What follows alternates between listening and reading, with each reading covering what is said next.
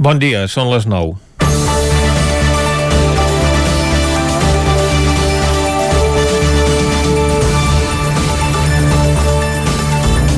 Avui es reprèn el ritme de vaccinació contra la Covid i recuperen l'activitat que duien a terme fins la setmana passada centres com el del Sucre de Vic, on s'administra el compost d'AstraZeneca. El Consell Interterritorial de Salut va avalar l'ús d'aquest vaccí després d'aturar-ne l'administració pel risc de que provoqués casos de trombosi i de que alguns lots del producte se'ls titllés de sospitosos. L'Agència Europea del Medicament ha avalat finalment l'eficàcia perquè no s'ha associat la seva administració a un augment global d'episodis tromboembòlics i totes les autoritats sanitàries han consensuat que el balanç dels beneficis que comporta la seva administració en el conjunt de la població és molt superior al risc.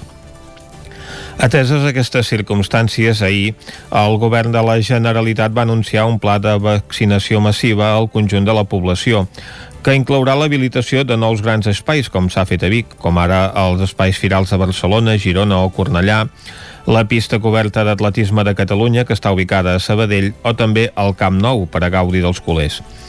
El govern promet donar un tom a la situació i tenir capacitat per vaccinar mig milió de persones a la setmana si hi ha prou dosis. Tot i això, quan estem a punt d'arribar als 3 mesos de l'inici del procés, només han rebut la primera dosi 660.000 catalans, més de la meitat dels quals també tenen la segona. Aquest compromís queda molt lluny de l'anunci que va fer a principis de febrer la consellera de Salut quan va dir que estaven preparats per vaccinar 150.000 persones al dia. Eren dies de promeses electorals, perquè la realitat ha estat una altra, malgrat l'excusa que no arriben les dosis compromeses. Aquest problema és general perquè en aquest sentit la Unió Europea està anant a remolc d'altres països molt més àgils i fins i tot la cancellera alemanya no ha descartat adquirir el vaccí rus pel seu compte i risc. Ara bé, a Catalunya diumenge només es van administrar 188 dosis, 10 de les quals eren algú que la rebia per primer cop. Per la setmana vinent també anuncien una frenada perquè el personal ha de descansar, cosa completament comprensible. Però precisament per això hi ha els torns de treball, si hi ha capacitat per administrar tantes dosis al dia. I a més els professionals que administren AstraZeneca porten 8 dies, no direm sense feina, però sí amb molta menys a l'esperada. A tot plegat encara queda un alt percentatge de la població més gran pendent de rebre la primera, la primera dosi de Pfizer, que és la que se'ls administra. En això, fins i tot Madrid ens va per davant. En canvi, els primers a rebre el vaccí d'AstraZeneca seran ara col·lectius als quals se'ls havia vetat com professionals de sectors essencials de més de 55 anys, perquè no s'havien fet prou proves amb majors d'aquesta edat. Ara bé, tot i que la majoria de països estan utilitzant aquest compost en gent de totes les edats, el govern espanyol ha posat com a topall els 65 anys, igual que a Polònia. Al final resultarà que els polacs seran ells. Comencem Territori 17, a la sintonia del 9 FM, la veu de Sant Joan, Ona Codinenca, Ràdio Cardedeu i el 9 TV. Territori 17, amb Vicenç Vigues i Jordi Sunyer.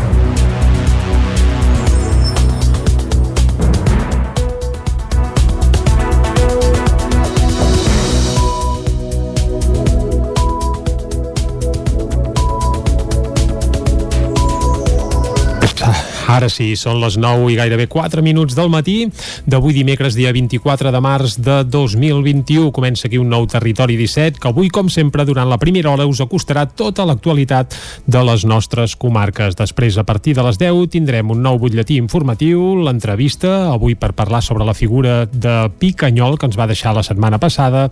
També tindrem el Lletra Ferits per parlar de literatura, el territori sostenible amb Jordi Givert, avui ens parlarà de la pesta porcina africana i per acabar repassarem les propostes culturals per a aquest proper cap de setmana a l'habitual agenda que fem els dimecres. Tot això i moltes coses més les farem des d'ara mateix i fins al punt de les 12 del migdia. I com sempre, el que fem ara és arrencar tot fent un repàs a l'actualitat de les nostres comarques, les comarques del Ripollès, Osona, el Moianès i el Vallès Oriental.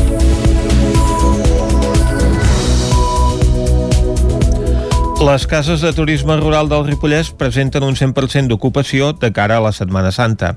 Isaac Muntades, des de la veu de Sant Joan. L'ocupació de les cases de turisme rural del Ripollès fregarà el 100% d'ocupació de cara a la Setmana Santa, segons va explicar el vicepresident de l'Associació de Cases de Turisme Rural Girona Costa Brava Pirineu i propietari de la Casa Rural al Reixac de Sant Joan de les Abadesses, Ferran Miquel. De fet, durant el primer cap de setmana en què va decaure el confinament comarcal, el del 20 i 21 de març, ja van tenir una ocupació de prop del 80% a les cases de turisme rural que pertanyen a aquesta associació. Ara l'ocupació per la Setmana Santa serà molt més bona. De, des del 26 26 fins al 31 hi ha un 90% d'ocupació i de l'1 al 5 ja el 100% està ocupat ja. Sí, sí, el, el fet de que el dia que ja van anunciar que el dilluns passat s'obriria, eh, bueno, no va deixar de, de sonar el telèfon, eh? Bueno, i, es va, i entre el telèfon, les reserves online, eh, va, va ser una bogeria. De fet, Miquel va explicar que la gent té moltes ganes de venir al Ripollès a fer turisme i fins i tot no els importa pagar més per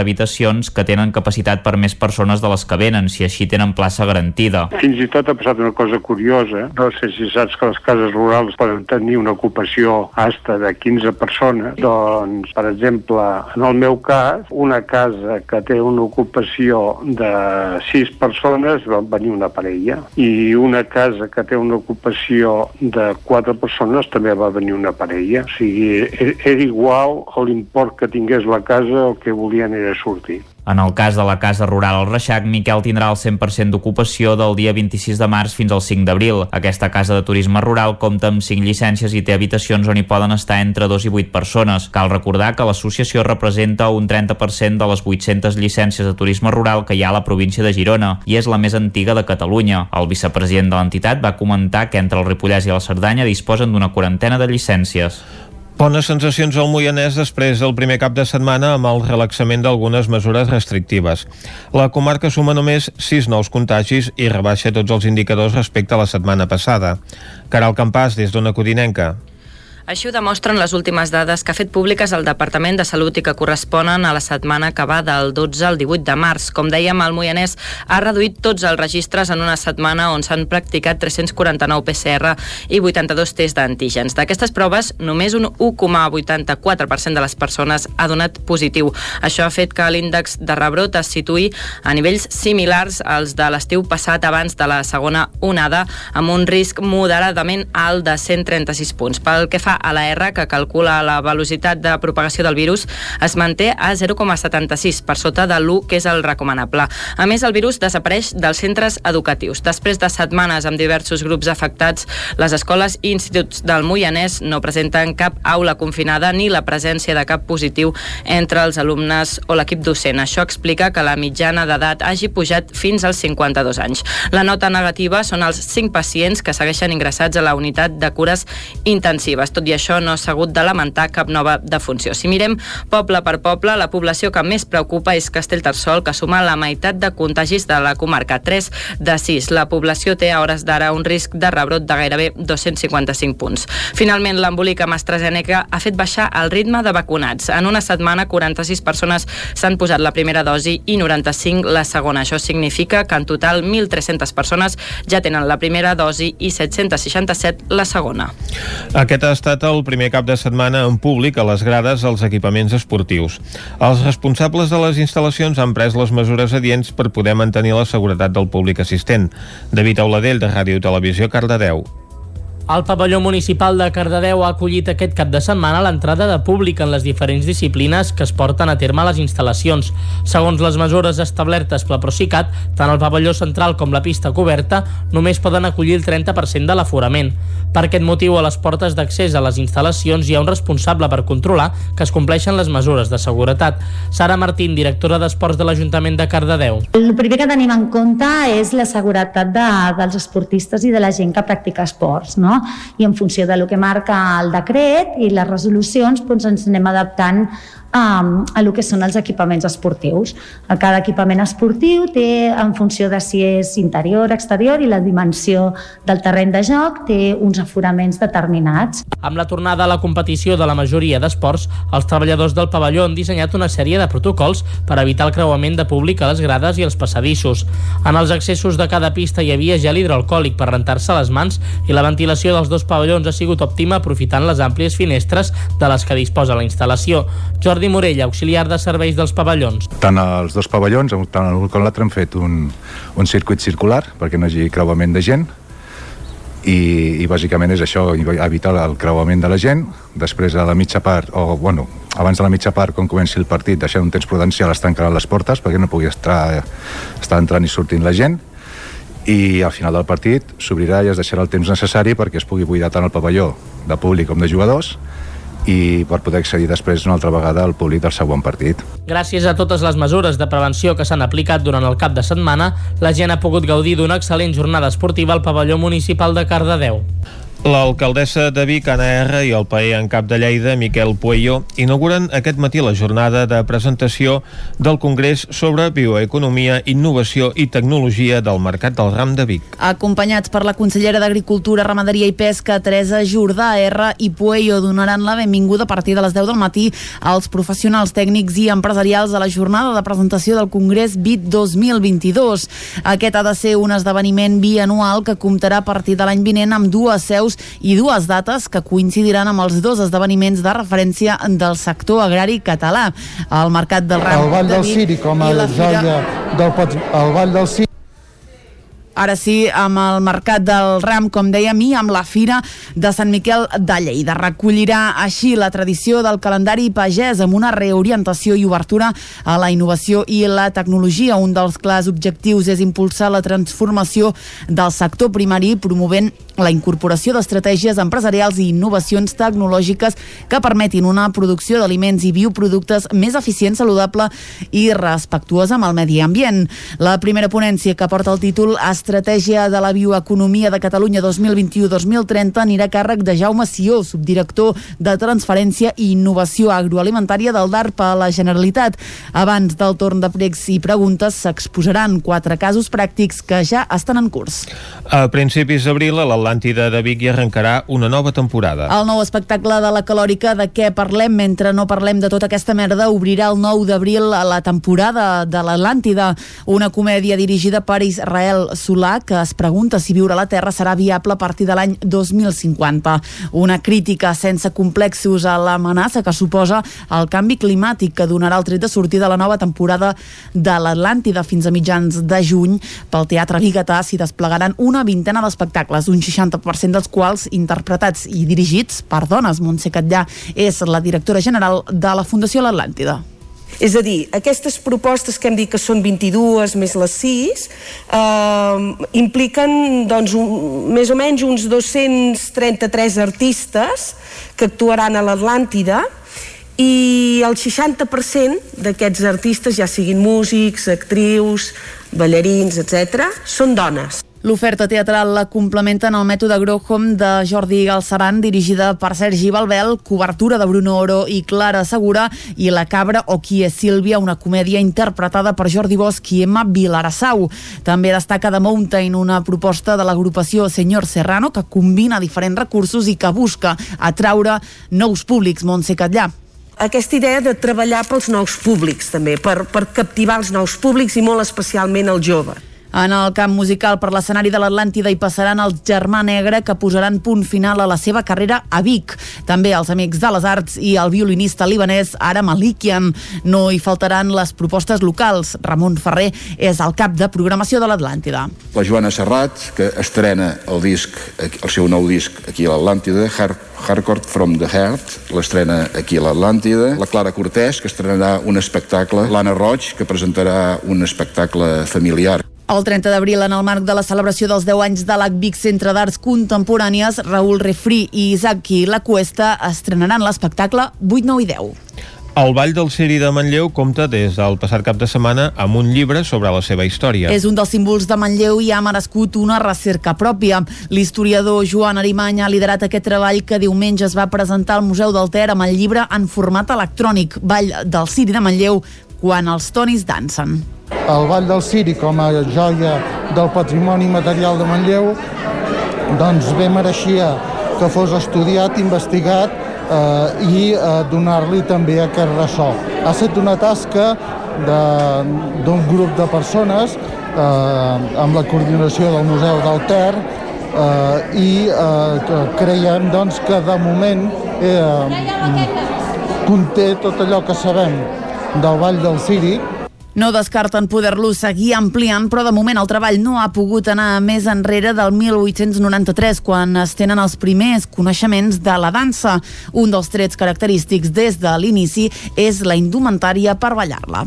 Vestit de carrer, diguem-ne, mudats, però amb la moda de cada moment. Això ja prové de fa um, 100 anys. Eh? Vol dir que, I això pot sorprendre altres llocs que en canvi vagin amb una indumentària més o menys tradicional.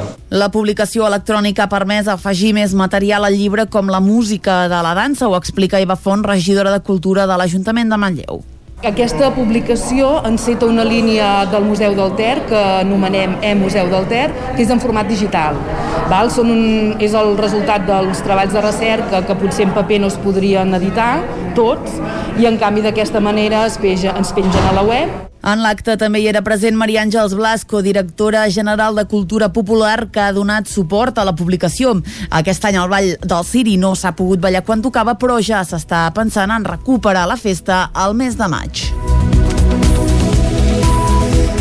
I fins aquí el butlletí informatiu que us hem ofert amb les veus de Vicenç Vigues, Clàudia Dinarès, David Auladell, Caral Campàs i Isaac Muntades.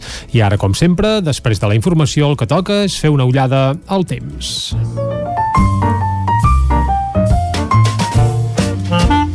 Casa Terradellos us ofereix el temps.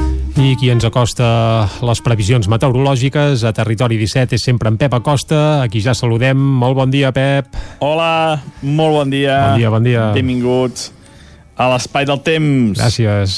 Avui ja pràcticament no ha glaçat, no ha glaçat mm -hmm. les nostres comarques. Uh, jo he vist les temperatures aquest matí i no hi havia cap valor negatiu, 1 o 2 graus cap a la zona de Baiter, també en algunes valls, eh, temperatures a 1, 2, 3 graus, però han anat pujant, eh? Les temperatures mínimes aquests dies van pujant, no tenen ja res a veure amb el cap de setmana, amb aquells valors tan negatius que, que vam tenir, i s'han, diguem que s'han eh, normalitzat les temperatures mínimes. Són ja valors molt normals. Una mica de fred a les fondalades, també una mica de fred a molt alta muntanya, però sense cap mena de dubtes, unes temperatures molt, molt normals i que fa que, que, siguem, que, que hi hagi un ambient bastant suau, bastant suau ja també a les nits. Ahir van créixer nuvolades cap a la zona de, del Montseny, les Guilleries, una mica més importants del que a mi em semblava, però bueno, no van deixar en cap cas cap precipitació. I avui serà un dia gairebé calcat, gairebé calcat al d'ahir.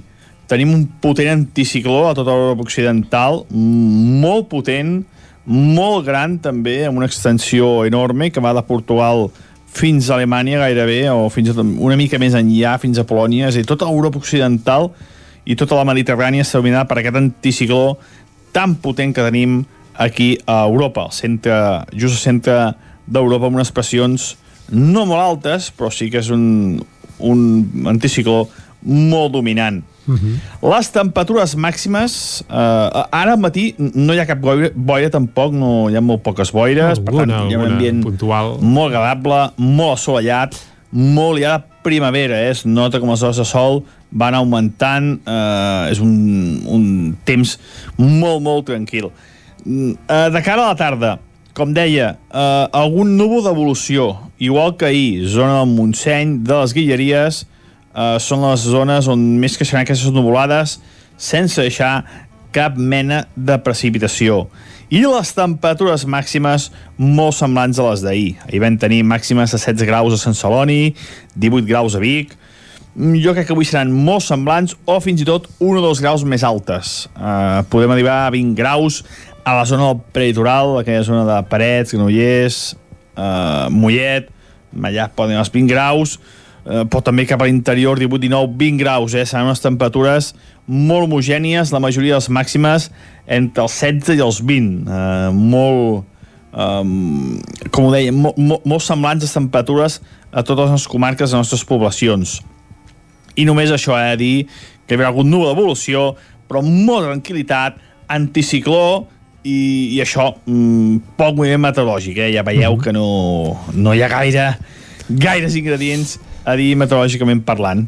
I demà, eh, aviam què passa, podria algun núvol més d'evolució, podria alguna pequeña tempesteta, però, però bueno, ja anirem veient com evoluciona el temps els pròxims dies. Moltes gràcies i fins demà. Adeu. Doncs vinga, Pep, que vagi molt bé. Moltes gràcies per acostar-nos un dia més la informació meteorològica aquí a Territori 17. Nosaltres ara ens prenem un respiret i d'aquí mig minut ens proposem repassar les portades de la premsa d'avui.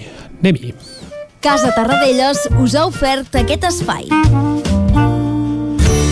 Territori 17. Envia'ns les teves notes de veu per WhatsApp al 646 079 023. 646 079 023. WhatsApp Territori 17.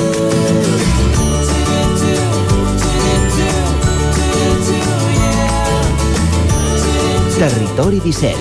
Som a Facebook, Twitter i Instagram amb l'usuari Territori 17.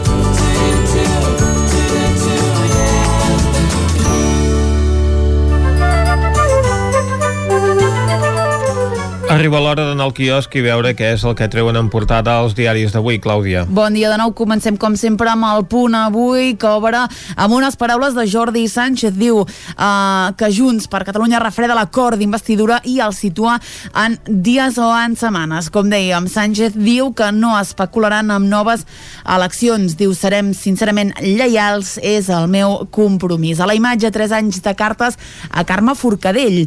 Lliura a l'Arxiu Nacional 46 caixes amb milers de missives rebudes a la presó i el govern prepara la vacunació massiva de moment sense vacunes. Anem al diari ara que obre exactament amb el pla de vacunació massiva que diu a l'espera de més vacunes, Salut habilitarà el Camp Nou i la Fira de Barcelona per administrar fins a 500.000 dosis setmanals. A la imatge, la llotja, per fi visitable, i com veiem també fa un moment, Junts per Catalunya diu que falten dies o setmanes per arribar a un acord amb Esquerra Republicana.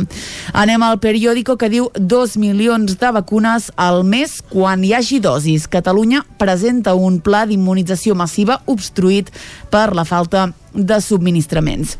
A la imatge, tragèdia humana al camp de refugiats, almenys 15 morts, 400 desapareguts i desenes de milers d'evacuats. És el tràgic balanç de l'incendi que ha destruït un camp de refugiats al sud-est de Bangladesh.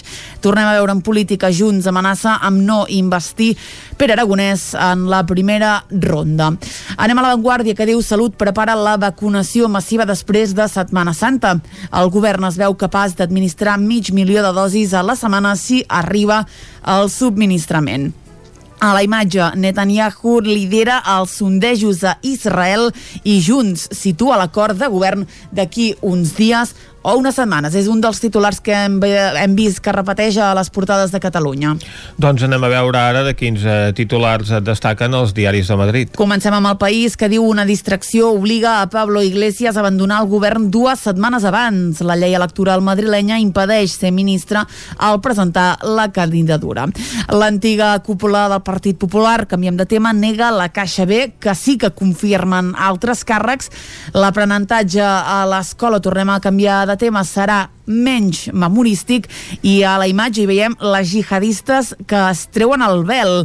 Diu dones occidentals que es van unir a l'ISIS eh, i esperen ara ser repatriades canvien la seva imatge. El Mundo Avalos va donar l'aval decisiu a Plus Ultra, tot i que ho nega a la imatge inversió rècord de Renault a Espanya. A la imatge aquí veiem és el rei Felip VI. El PSOE votarà que els càrrecs que burlin al Tribunal Constitucional no siguin suspesos i alerta perquè Sanitat situa ja Espanya en la quarta onada de la pandèmia. Anem acabant, anem a la raó eh, que diu la llei electoral força a Pablo Iglesias, aquí veiem a la imatge, a precipitar la seva sortida de Moncloa. També parla d'Ayuso que diu imposa la seva campanya sense atacar a Vox i amb pocs dansant. Així mateix ho diu la raó que també obre amb un titular que diu el Banc d'Espanya empitjora la previsió per aquest any. Precisament aquest és un dels titulars que veiem a l'ABC. Diu el Banc d'Espanya desmunta les comptes del govern. Rebaixa la seva previsió de creixement al 6% aquest any, gairebé 4 punts inferior a la de Sánchez per retards en les vacunes i en l'execució dels fons europeus. A la imatge també veiem a Pere Aragonès, diu CUP i Esquerra pacten el full de ruta per un altre referèndum d'independència.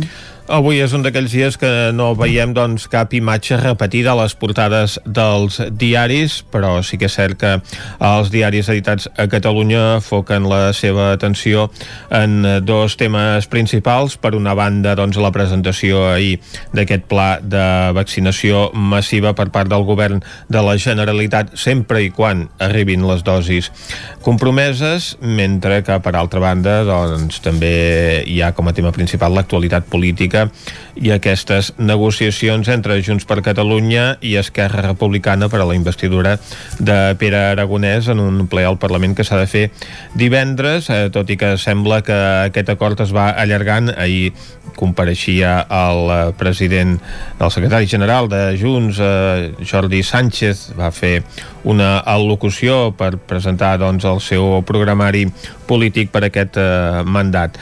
Si anem als diaris de Madrid, doncs eh, també l'actualitat política i econòmica doncs, és un dels eixos centrals d'aquesta jornada amb aquests eh, comptes doncs, del Banc d'Espanya que fa una previsió de creixement menor de l'esperada, tot i que serà doncs, eh, del voltant del 6% calculen al llarg d'aquest any el creixement de l'economia espanyola. El president, el governador del Banc d'Espanya i la vicepresidenta Nadia Calviño apareixen a la portada de l'ABC, el rei Felip VI a la del Mundo amb una visita a la planta de Valladolid de Renault i un tema recurrent a les portades apareix eh, com a tema principal a la portada de la Razón i també com a principal titular del país és aquesta normativa de la Comunitat de Madrid que impedeix a membres de l'executiu a presentar-se a les eleccions, per tant Pablo Iglesias haurà de dimitir abans del previst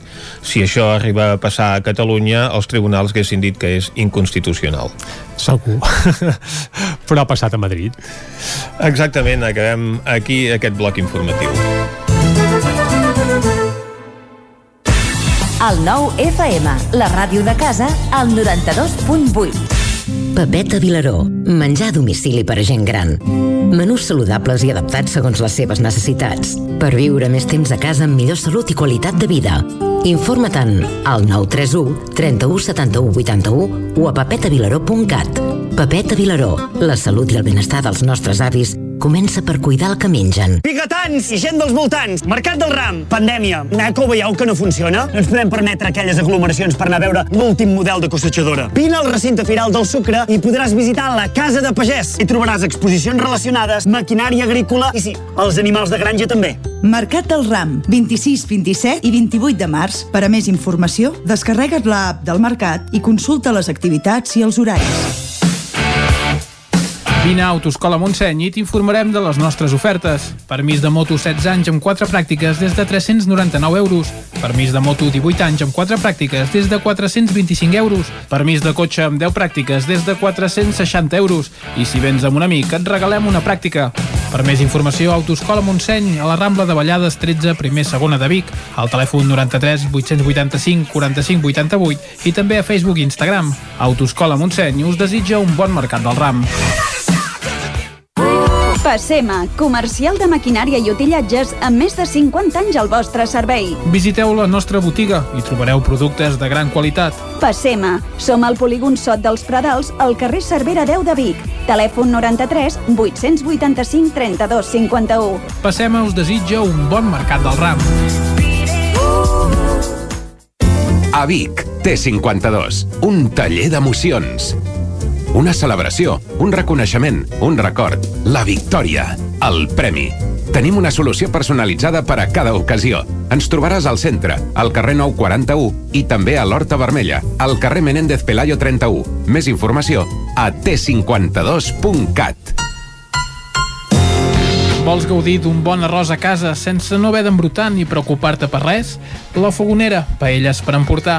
Un seguit de paelles, tapes, platets i postres casolans pensats per a paladars exigents. Ara més, fem menús per a petits grups de comensals. La Fogonera, la rosseria de paelles per emportar a GURB i que també et portem a casa.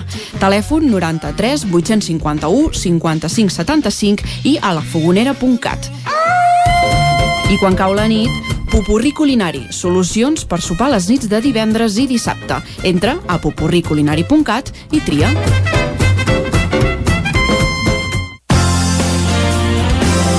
El nou FM, la ràdio de casa, al 92.8.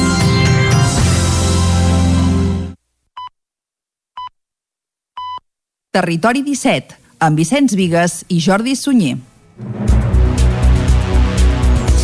Dos quarts de deu en punt d'avui dimecres, dia 24 de març de 2021. Seguim en directe aquí a Territori 17 i el que toca ara és acostar-vos de nou tota l'actualitat de les nostres comarques, les comarques del Ripollès, Osona, el Moianès i el Vallès Oriental.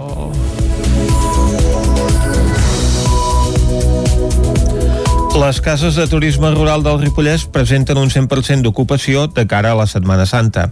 Isaac Muntades, des de la veu de Sant Joan. L'ocupació de les cases de turisme rural del Ripollès fregarà el 100% d'ocupació de cara a la Setmana Santa, segons va explicar el vicepresident de l'Associació de Cases de Turisme Rural Girona Costa Brava Pirineu i propietari de la Casa Rural al Reixac de Sant Joan de les Abadesses, Ferran Miquel. De fet, durant el primer cap de setmana en què va decaure el confinament comarcal, el del 20 i 21 de març, ja van tenir una ocupació de prop del 80% a les cases de turisme rural que pertanyen a aquesta associació. Ara l'ocupació per la Setmana Santa serà molt més bona. De, des del 26 fins al 31 hi ha un 90% d'ocupació i de l'1 al 5 ja el 100% no està ocupat ja. Sí, sí, el, el fet de que el dia que ja van anunciar que el dilluns passat s'obriria, eh, bueno, no va deixar de, de sonar el telèfon, eh? Bueno, i, es va, i entre el telèfon, les reserves online, eh, va, va ser una bogeria. De fet, Miquel va explicar que la gent té moltes ganes de venir al Ripollès a fer turisme i fins i tot no els importa pagar més per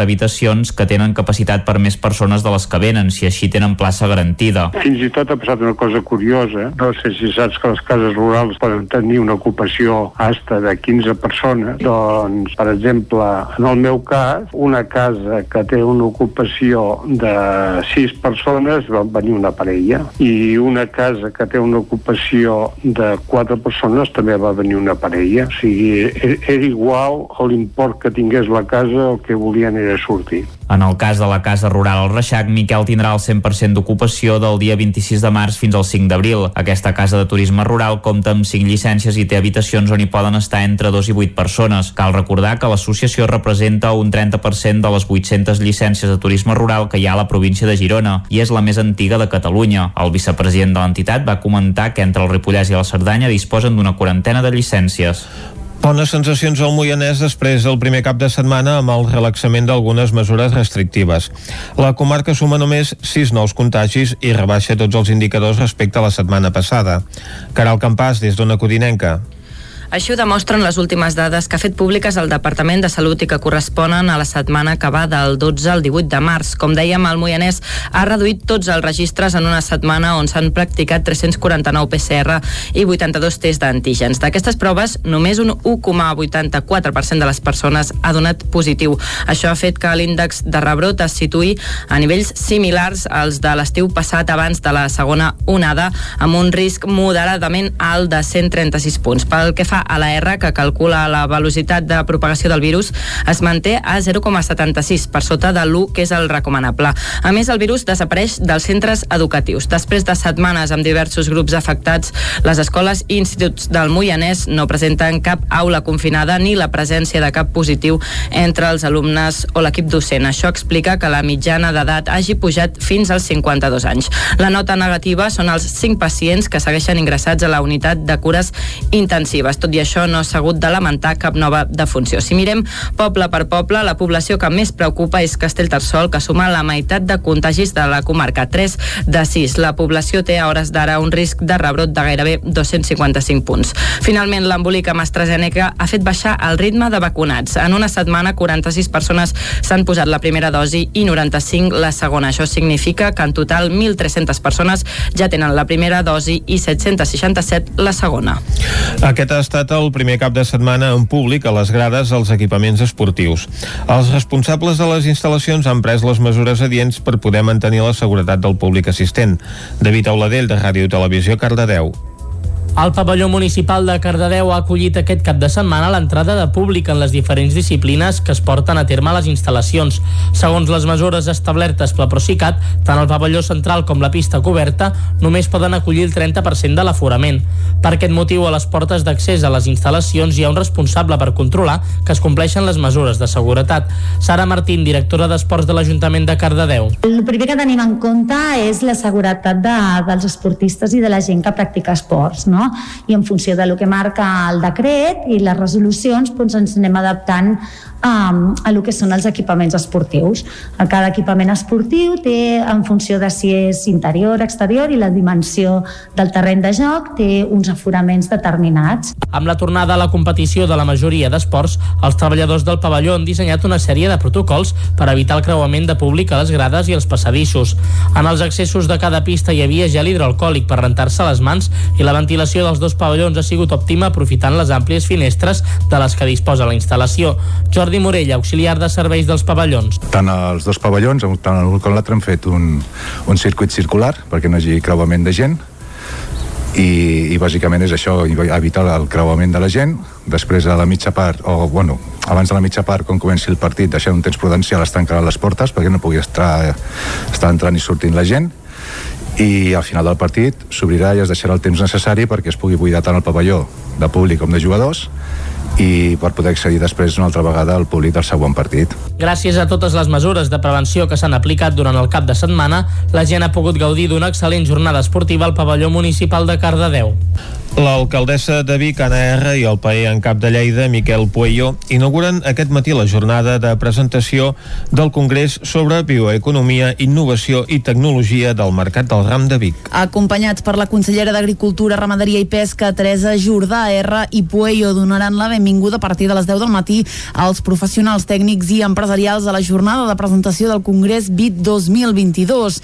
Aquest ha de ser un esdeveniment bianual que comptarà a partir de l'any vinent amb dues seus preus i dues dates que coincidiran amb els dos esdeveniments de referència del sector agrari català.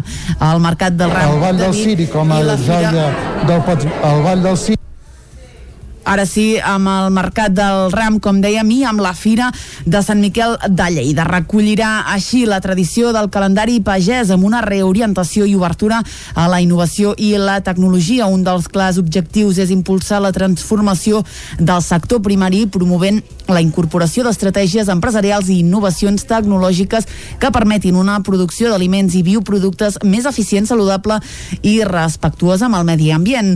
La primera ponència que porta el títol Estratègia de la bioeconomia de Catalunya 2021-2030 anirà a càrrec de Jaume Sió, subdirector de Transferència i Innovació Agroalimentària del DARP a la Generalitat. Abans del torn de pregs i preguntes s'exposaran quatre casos pràctics que ja estan en curs. A principis d'abril, a l'Atlàntida de Vic hi arrencarà una nova temporada. El nou espectacle de la calòrica de què parlem mentre no parlem de tota aquesta merda obrirà el 9 d'abril a la temporada de l'Atlàntida, una comèdia dirigida per Israel Solà que es pregunta si viure a la Terra serà viable a partir de l'any 2050. Una crítica sense complexos a l'amenaça que suposa el canvi climàtic que donarà el tret de sortida de la nova temporada de l'Atlàntida fins a mitjans de juny. Pel Teatre Bigatà s'hi desplegaran una vintena d'espectacles, un 60% dels quals interpretats i dirigits per dones. Montse Catllà és la directora general de la Fundació L'Atlàntida.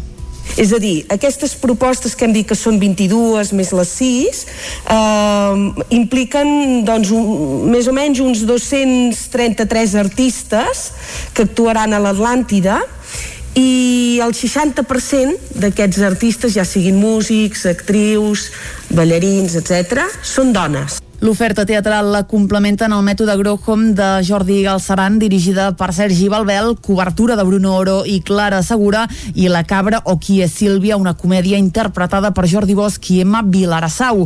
També destaca The Mountain, una proposta de l'agrupació Senyor Serrano que combina diferents recursos i que busca atraure nous públics. Montse Catllà aquesta idea de treballar pels nous públics també, per, per captivar els nous públics i molt especialment el jove. En el camp musical per l'escenari de l'Atlàntida hi passaran el Germà Negre que posaran punt final a la seva carrera a Vic. També els Amics de les Arts i el violinista libanès Ara Malikian. No hi faltaran les propostes locals. Ramon Ferrer és el cap de programació de l'Atlàntida. La Joana Serrat, que estrena el disc, el seu nou disc aquí a l'Atlàntida, Hard, Hardcore from the Heart, l'estrena aquí a l'Atlàntida. La Clara Cortès, que estrenarà un espectacle. L'Anna Roig, que presentarà un espectacle familiar. El 30 d'abril, en el marc de la celebració dels 10 anys de l'ACVIC Centre d'Arts Contemporànies, Raül Refri i Isaki La Cuesta estrenaran l'espectacle 8, 9 i 10. El Vall del Ciri de Manlleu compta des del passat cap de setmana amb un llibre sobre la seva història. És un dels símbols de Manlleu i ha merescut una recerca pròpia.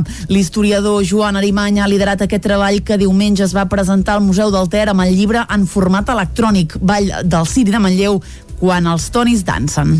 El Vall del Ciri, com a joia del patrimoni material de Manlleu, doncs bé mereixia que fos estudiat, investigat eh, i eh, donar-li també aquest ressò. Ha estat una tasca d'un grup de persones eh, amb la coordinació del Museu del Ter eh, i eh, creiem doncs, que de moment eh, conté tot allò que sabem del Vall del Ciri. No descarten poder-lo seguir ampliant, però de moment el treball no ha pogut anar més enrere del 1893, quan es tenen els primers coneixements de la dansa. Un dels trets característics des de l'inici és la indumentària per ballar-la vestit de carrer, diguem-ne, mudats, però amb la moda de cada moment. Això ja prové de fa um, 100 anys.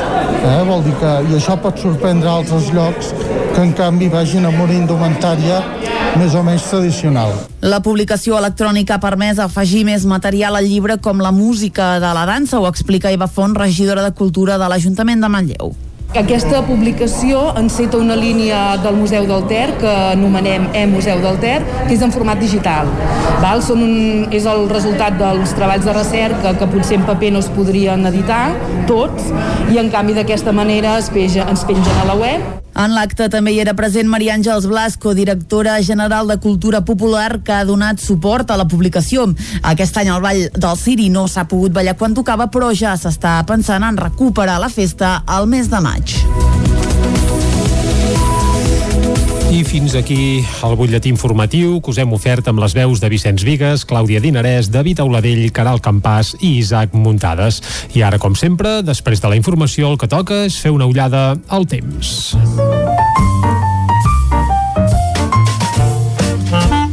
Casa Terradellos us ofereix el temps. I qui ens acosta les previsions meteorològiques a Territori 17 és sempre en Pep Acosta, a qui ja saludem. Molt bon dia, Pep. Hola, molt bon dia. Bon dia, bon dia. Benvinguts a l'espai del temps. Gràcies.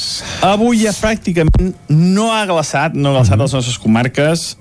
Uh, jo he vist les temperatures aquest matí i no hi havia cap valor negatiu, 1 o 2 graus cap a la zona de Baiter, també en algunes valls, eh, temperatures de 1, 2, 3 graus, però han anat pujant, eh? Les temperatures mínimes aquests dies van pujant, no tenen ja res a veure amb el cap de setmana, amb aquells valors tan negatius que, que vam tenir i s'han, diguem que s'han eh, normalitzat les temperatures mínimes. Són ja valors molt normals. Una mica de fred a les fondalades, també una mica de fred a molt alta muntanya, però sense cap mena de dubtes, unes temperatures molt, molt normals i que fa que, que, siguem, que, que hi hagi un ambient bastant suau, bastant suau ja també a les nits. Ahir van créixer nuvolades cap a la zona de, del Montseny, les Guilleries, una mica més importants del que a mi em semblava, però bueno, no van deixar en cap cas cap precipitació. I avui serà un dia gairebé calcat, gairebé calcat al d'ahir.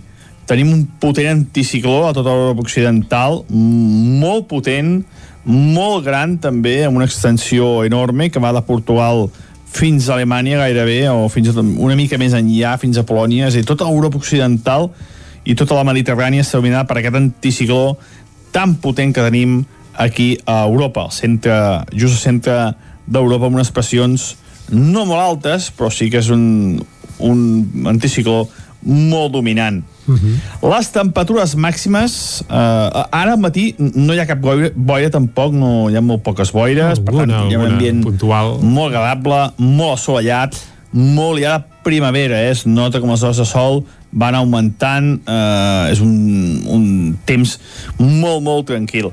Eh, de cara a la tarda, com deia, eh, algun núvol d'evolució, igual que ahir, zona del Montseny, de les Guilleries, eh, són les zones on més creixeran aquestes nuvolades sense deixar cap mena de precipitació.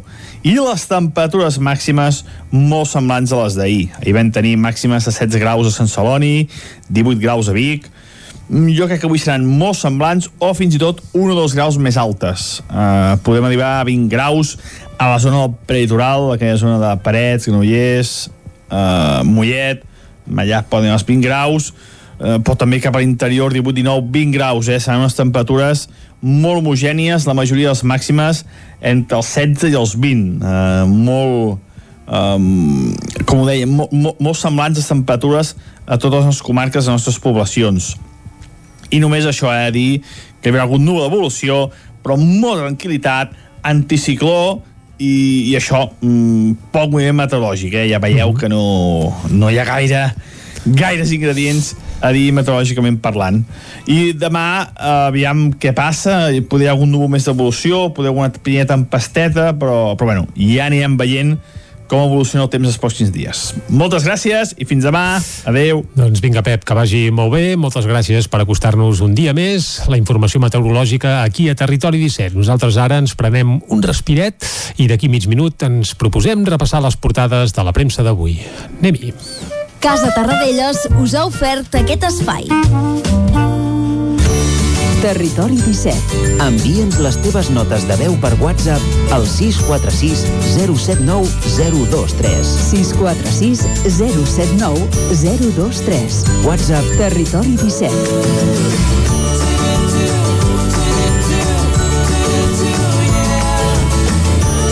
Territori 17. Som a Facebook, Twitter i Instagram amb l'usuari Territori 17.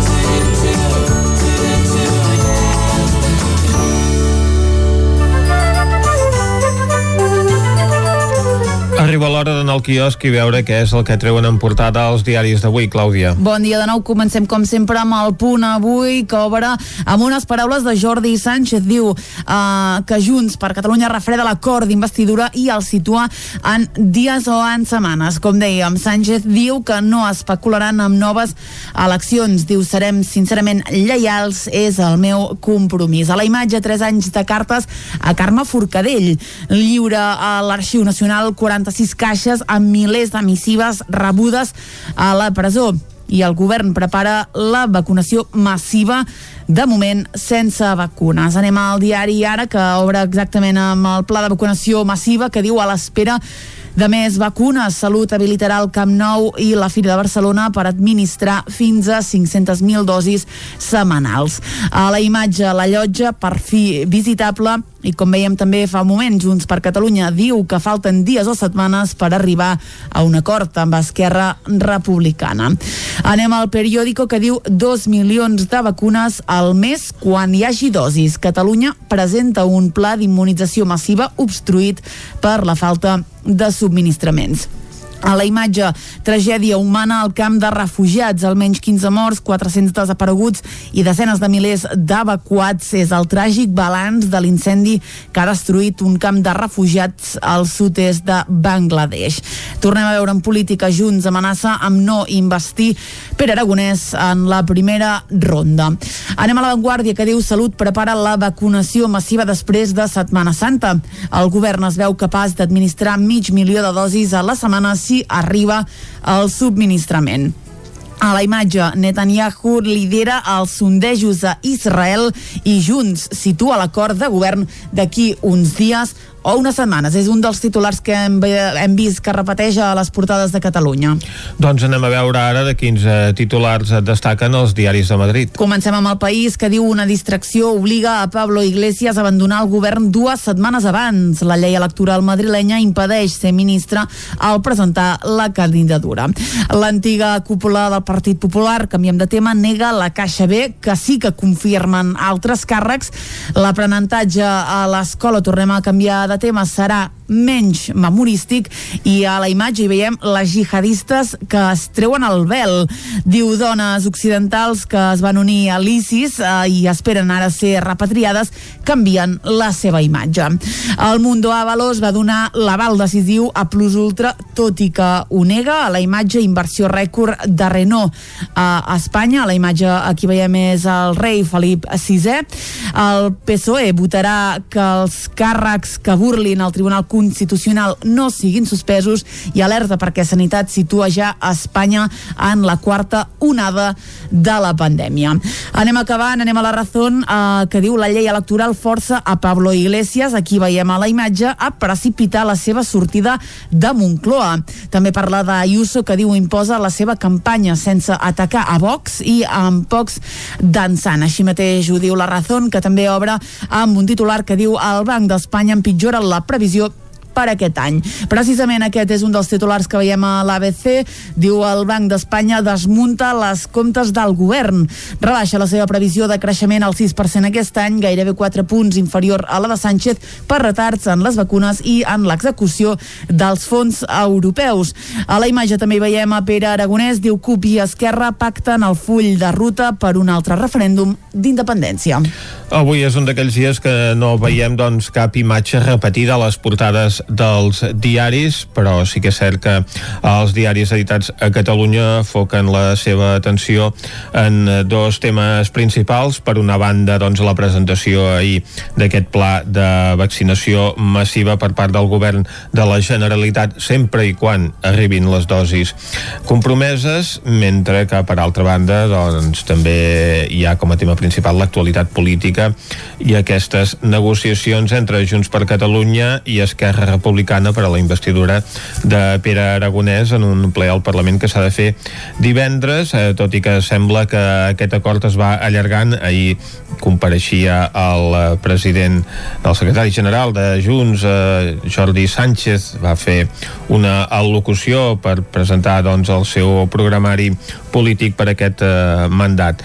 Si anem als diaris de Madrid, doncs eh, també l'actualitat política i econòmica doncs és un dels eixos centrals d'aquesta jornada amb aquests eh, comptes doncs, del Banc d'Espanya que fa una previsió de creixement menor de l'esperada, tot i que serà doncs, eh, del voltant del 6% calculen al llarg d'aquest any el creixement de l'economia espanyola. El president, el governador del Banc d'Espanya i la vicepresidenta Nadia Calviño apareixen a la portada de l'ABC, el rei Felip VI a la del Mundo amb una visita a la planta de Valladolid de Renault i un tema recurrent a les portades apareix eh, com a tema principal a la portada de la Razón i també com a principal titular del país és aquesta normativa de la Comunitat de Madrid que impedeix a membres de l'executiu a presentar-se a les eleccions. Per tant Pablo Iglesias haurà de dimitir abans del previst.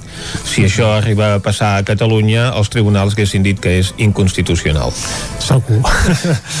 Però ha passat a Madrid i després, com que passa a Madrid doncs ja se sap, Vicenç, que que no passa res, qui dia passa any empeny i alegria, que, que era Sant Josep divendres, que van fer festa.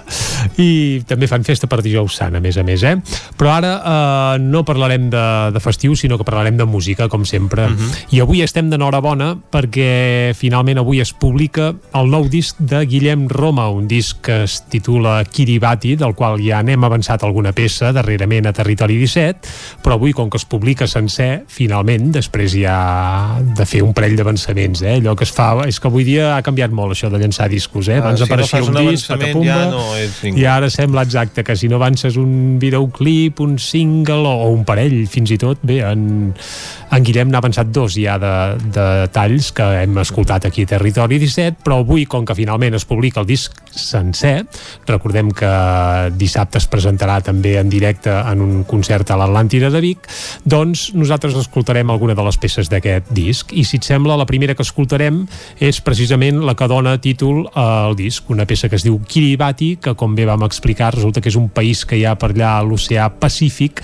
que serà el primer que desapareixerà del mapa, perquè es veu que la muntanya més alta Kiribati és a dos metres sobre el nivell del mar.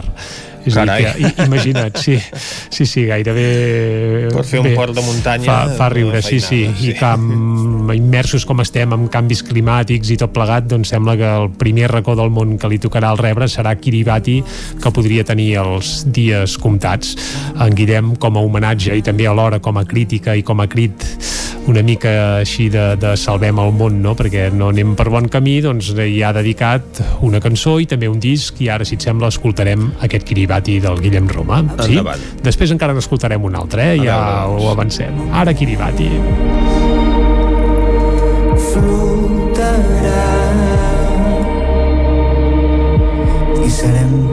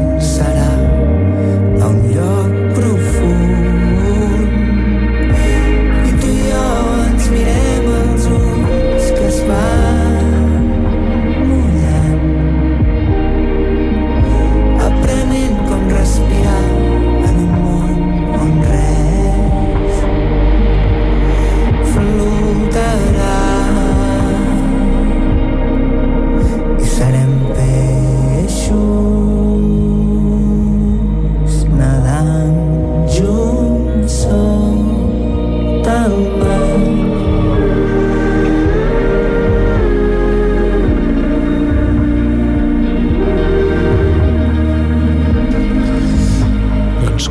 comprovar és una cançó molt atmosfèrica, allò amb capes de so, tranquil·leta, que ens recorda una mica el Guillem Roma, aquell crooner, perquè el Guillem té un inici com a, home, gairebé et diria que com a crooner de jazz, uh, i bé, amb unes cançons així reposades i tranquil·les que havien desaparegut una mica en els seus darrers treballs, i en aquest Kiribati, tot i que hi ha molta alegria, i fins i tot peces molt ballables, doncs també hi ha moment, moments de distensió i relaxament, tot i que en el fons el que explica la cançó és bastant dramàtic, perquè acaba parlant de l'illa a la qual fèiem referència i dient que acabarem sent tots peixos nedant uh, pel mar, perquè clar, si quedem engolits per l'aigua, doncs així així anirem. Uh, escoltem una altra de les peces ja que estrenem el disc i uh, aquesta es titula Sentir-se petit i pel que fa a gènere ja veureu que té, té un altre aire. Uh, un fragment de Sentir-se petit, després potser encara tenim temps d'escoltar un fragment d'una altra peça. Va, ara Sentir-se petit, la cinquena cançó que hi ha en aquest nou disc del Guillem Roma. ni el meu pes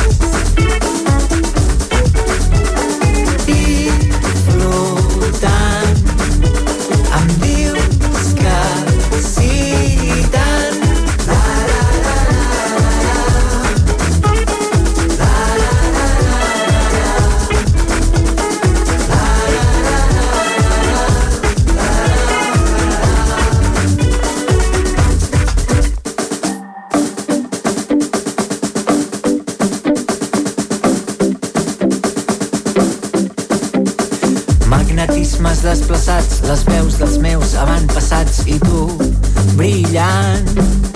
L'esfera que es va escalfant, l'intel·ligència d'elegant i estòs volant. I em sento tan petit, en fusió constant. Escoltant aquesta sí que una mica ja ens traslladem, no sé si a Kiribati, però a alguna illa del Pacífic potser sí, eh? té aquell aire així una mica tropical que, sí. que bé, que és el que es desprèn a la majoria de talls del disc i si et sembla per arribar fins al punt de les 10 escoltarem la desena cançó precisament que hi ha al disc, uh -huh. és una peça que es titula La sort i bé, amb això arribarem fins a les 10 aquí a Territori 17. Sí? Doncs escoltem en Guillem Romà. Doncs vinga, uh, fins a les 10 amb aquest la sort que de nou recupera el Guillem més tranquil·let. Fins ara, seguim a Territori 17. A prop del que puc sentir el mar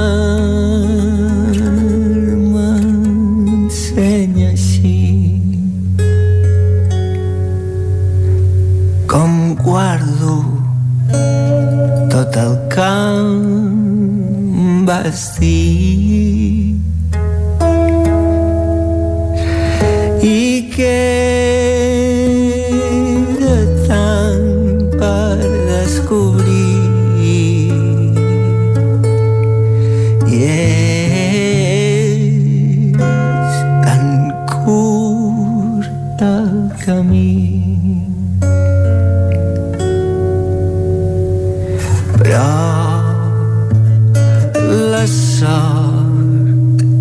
de seguir aquí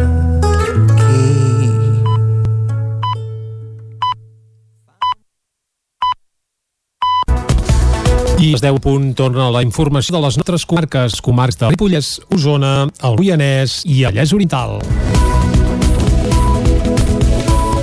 Creació de Junts per Catalunya i el seu trament al PDeCAT han digut un mapa a les alcaldies a l'espai Pont a Osona. Últimes accions municipals a Osona, les llistes de Junts per Catalunya amb el PDeCAT i Clos van obtenir 15 alcaldies a les quals després s'ha assumt la de Montesquieu. Aquestes 16 després del tancament no estan a mans d'alcaldes i alcaldes que s'han afiliat a Junts, entre les quals la de Vic, a Maia Callatenes, a Mac Verdall, a Santa Eugènia, on l'alcalde és Xavier Fernández, Rats Lluçanès amb Jordi Bruc. En quatre casos, els de Sant Hipòlit, Sant Agustí, el Lluçanès, Santa Cecília, de Voltregà i Sant Sadurní d'Usmort, els alcaldes són independents i només tres alcaldies es mantenen en mans del PDeCAT. Les d'Oristà amb Marc Socarrat, Perafí amb Ramon Casals i Sora en l'Oker. Des de Junts aposten per una convivència en els grups municipals actuals on hi poden confluir afiliats a Junts, al PDeCAT i independents. Enric Roca és el coordinador de Junts per Catalunya Osona. La nostra voluntat és que continuïn així. Després ja es veurà en el moment de configurar les candidatures municipals doncs evidentment qui s'afilia a Junts per Catalunya com a no partit o qui també vol sota el nostre paraigües presentar-se mantenint mantenir-se com a independents. A l'espera del congrés que ha de fer el partit a nivell català mitjans de maig, actualment al capdavant del PDeCAT a Osona hi ha una gestora formada per set persones liderada per Àngel Subirats continuarem. Vull dir, nosaltres defensem una centralitat, defensem a nivell un, un, liberal, un liberalisme que considerem que l'hem de continuar defensant perquè al nostre país li fa falta. Tant Junts com el PDeCAT situen les properes eleccions municipals de l'any 2023 com a gran repte pel qual han de començar a treballar. Junts té previst anar formalitzant les agrupacions locals, començant per la de Vic. Segons les dades facilitades pels responsables dels dos partits a la comarca, Junts hi tindria en aquests moments uns 215 afiliats. El PDeCAT en mantindria prop de 200. L'Ajuntament de Manlleu inicia un nou procés de pressupostos participatius de barris dotat amb 40.000 euros per millorar i transformar els barris de Baix i d'Alt Vila. L'any passat va ser el barri de Vista Alegre els primers beneficiats dels pressupostos participatius que va crear l'Ajuntament de Manlleu per treballar cada any en un barri diferent de la ciutat. Enguany seran els barris de Baix i d'Alt Vila els que podran rebre propostes de millora i de transformació. En concret, s'hi destinaran 40.000 euros pels que els ciutadans a títol individual, entitats, comerços o empreses ubicades a Manlleu poden presentar les seves idees. Tot el procés combinarà la via telemàtica amb la presencial. Les grans novetats són que la partida passa de 16.000 a 40.000 euros i que a la fase de fer propostes hi podrà participar qualsevol persona empadronada a Manlleu independentment de l'edat. El 12 d'abril es farà una sessió informativa a Can Puget per explicar les diferents fases i detalls del procés, així com aclarir dubtes i així com per fer un taller de generació de propostes. Després de rebre propostes de la ciutadania es validaran pels serveis tècnics municipals i es difondran en una campanya de comunicació abans de la votació que està prevista que es pugui fer entre el 22 de juny i el 16 de juliol. Els tallers de formació professional de l'Institut Manol Auguer de Caldes de Montbui incorporen nova maquinària industrial. La modernització s'ha aplicat al cicle de motlles i matrius. Caral Campàs, des d'Ona Codinenca. L'Institut Manol Auguer ha incorporat dues noves màquines que són iguals que les que els alumnes es trobaran a les empreses un cop hagin aprovat el cicle. El centre s'ha reindustrialitzat i ha incorporat noves màquines, màquines perdó, cedides per empreses privades que els permeten passar de la maquinària educacional professional a la maquinària professional. José Carrasco és coordinador del cicle de mecànica. Per nosaltres és molt important que l'alumne comenci des de la necessitat, no? de tenir un component, una necessitat real de la societat, fer el disseny del component, fer el disseny de l'utillatge, simular-la, fabricar-lo i després poder obtenir el component que, que, que ha dissenyat. A través, ja sigui, nosaltres estem en el grau superior especialitzats en motlles i matrius, pot ser un motlle d'injecció de termoplàstic o una peça d'instal·lació metàl·lica. Les empreses tenen la necessitat de trobar treballadors que sàpiguen fer funcionar maquinària d'última generació. Ricard Ripoll, de Hitec Màquines CNC, és una de les empreses que ha cedit la maquinària. Ajudant amb aquests centres formatius, perquè és l'única manera on vas a buscar? Jo cada dia, quan, quan visito empreses, em pregunten, escolta'm, aquestes màquines que fan tal... Vale, jo ho explico, però a l'empresari quan, quan mira la gent que té dintre, o que té dins de l'empresa, es troba que, no, que li falta, li falta personal per poder manipular aquestes màquines i cada dia són més complexes, no? Cada dia requereix una formació important per poder-les manipular.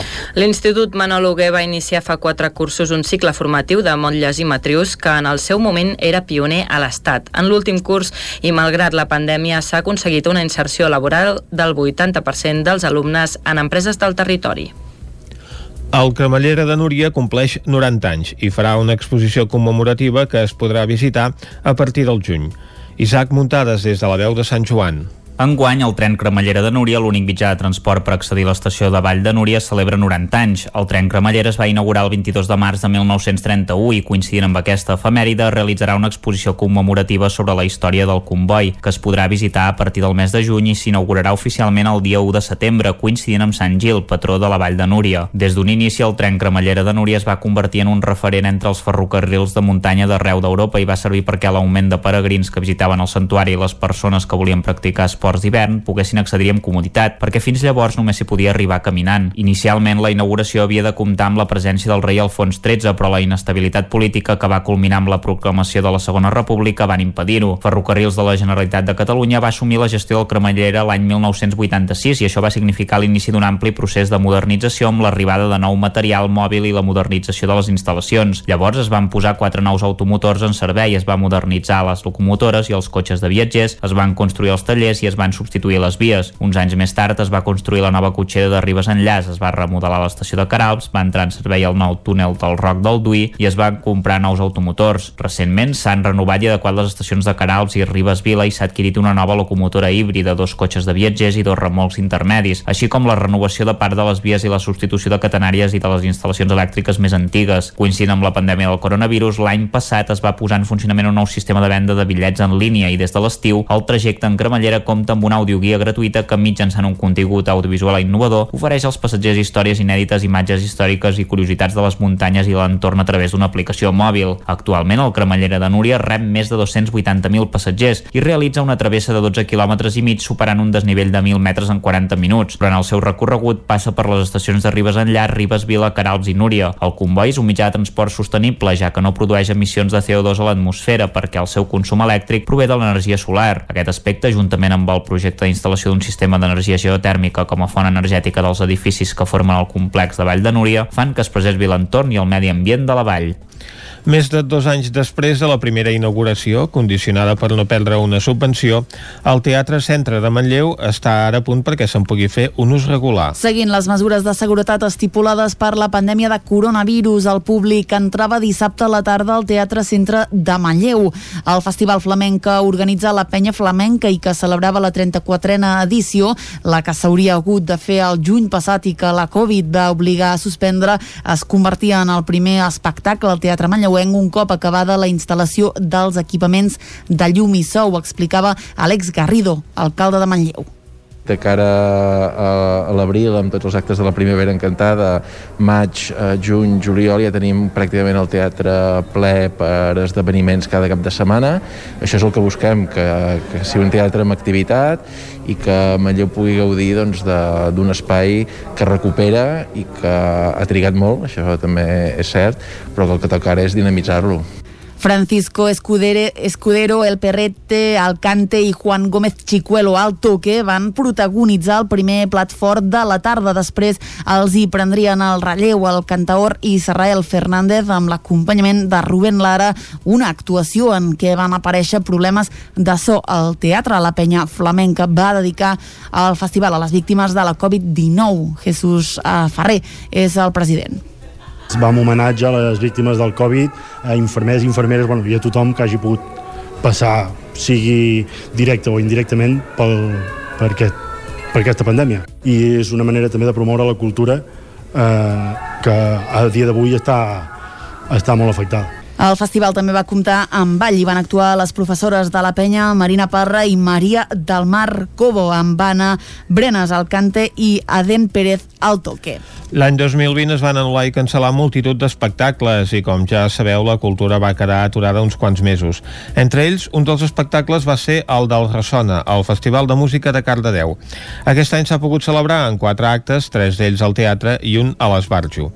David Auladell, de Ràdio Televisió Cardedeu. Cap de setmana de música amb el Festival Ressona Clàssica de Cardedeu. Chicuelo, Marco Mezquida o l'agrupació coral cardedeuenca han estat alguns dels artistes encarregats de posar les melodies per aquest Ressona. El festival començava dijous a l'Esbarjo amb l'òpera Carmen, proposada per l'Oriol Genís. Divendres, Chicuelo i Marco Mezquida posaven el seu toc amb l'espectacle No hay dos sin tres. Dissabte, l'agrupació coral cardedeuenca amb el Mirador, acompanyats pel Víctor Valls i versus piano duo, i diumenge acabava amb l'Orquestra de Flautes de Barcelona. El Ressona ha omplert el Teatre Auditori de Música durant tot aquest cap de setmana, un festival que ha pogut fer la programació amb normalitat, anul·lant només el ressona al carrer, una passejada musical que estava proposada per dissabte.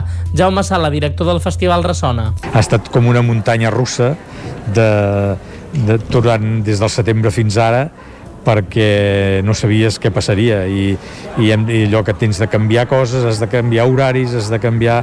Hem tingut d'anar fent i, bueno, i a l'última que ha estat el, el fet de no poder tenir el Víctor Braujos amb nosaltres perquè està confinat i, i això aquesta mateixa setmana per tant hem tingut de buscar substitut i, i una alternativa que per tant és allò que et fa estar sempre amb l'ai al cor. Malgrat les restriccions i aforaments, el Ressona ha tornat a omplir un any més el Teatre Auditori de Cardedeu.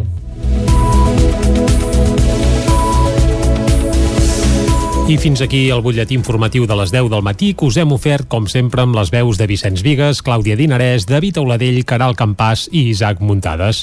I ara, abans d'anar cap a l'entrevista, avui per recordar la figura del dibuixant Picanyol, de Mollà, l'autor de l'Ot del Bruixot, el que farem és una nova ullada al temps.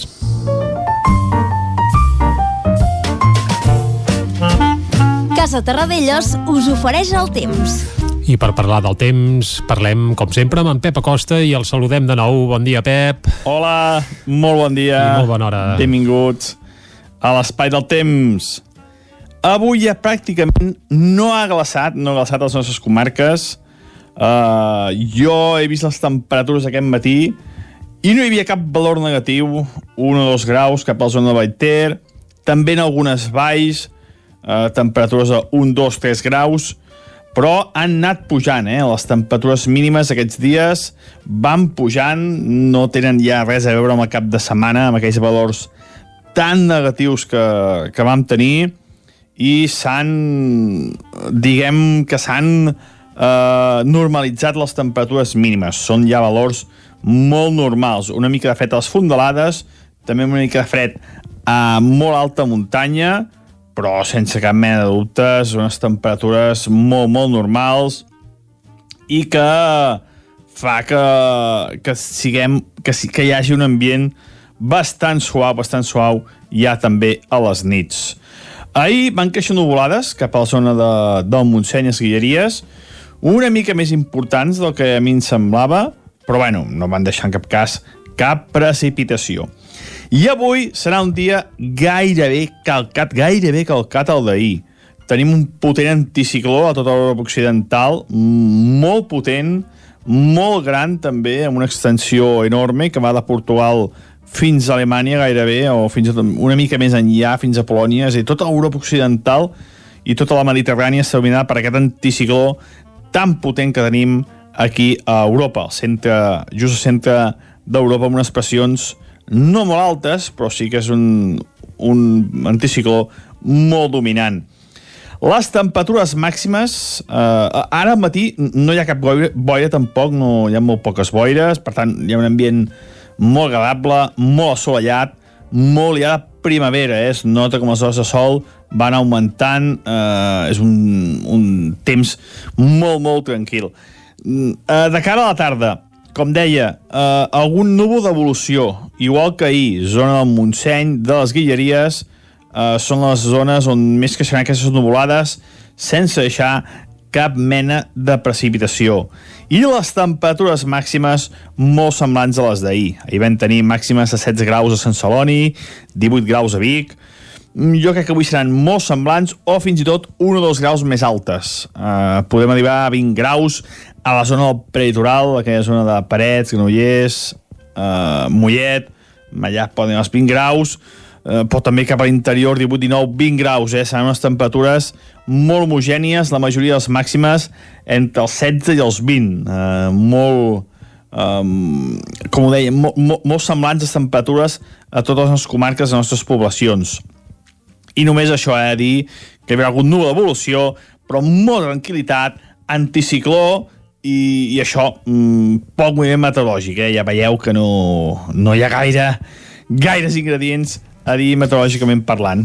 I demà, eh, aviam què passa, podria algun núvol més d'evolució, podria alguna primera tempesteta, però, però bueno, ja anirem veient com evoluciona el temps els pròxims dies. Moltes gràcies i fins demà. Adéu. Va, vinga, fins demà, Pep. Uh, avorrit, eh? En Pep, quan no hi ha gaire caliu meteorològic, se'l nota una mica apagat, eh? Sí, sí. Uh, Tot i això, déu nhi dels llocs on ha glaçat encara. Clar, ell deia que n'hi ha poquets, però en podem trobar algun, sí? És ben bé que no viu a Sant Sadurní de Surmort. Clar, evidentment. el nostre poble, bé, un dels més freds del territori 17, i tant que sí. Fins on ha caigut el termòmetre doncs, a Sant Sadurní? S'han acostat els 3 graus negatius a Sant Sadurní, dos i mig a Núria, un i mig a Camprodon, un negatiu a Collsospina, eh, set dècimes a Olost, eh, també a Ull de Ter, ha glaçat també a Sora, Sant Pau de Segúries, a Planoles, per tant, déu nhi els pobles on ha baixat força el termòmetre i en alguns, doncs, com Prats de Lluçanès, Malla o Rupit, només unes dècimes positives. Molt bé, doncs fet aquest repàs, ara sí que anirem cap a Mollà per parlar d'en Picanyol. Una pausa i ens hi capbussem. Casa Tarradellas us ha ofert aquest espai. Territori 17. Envia'ns les teves notes de veu per WhatsApp al 646 079 023. 646 079 023. WhatsApp Territori 17.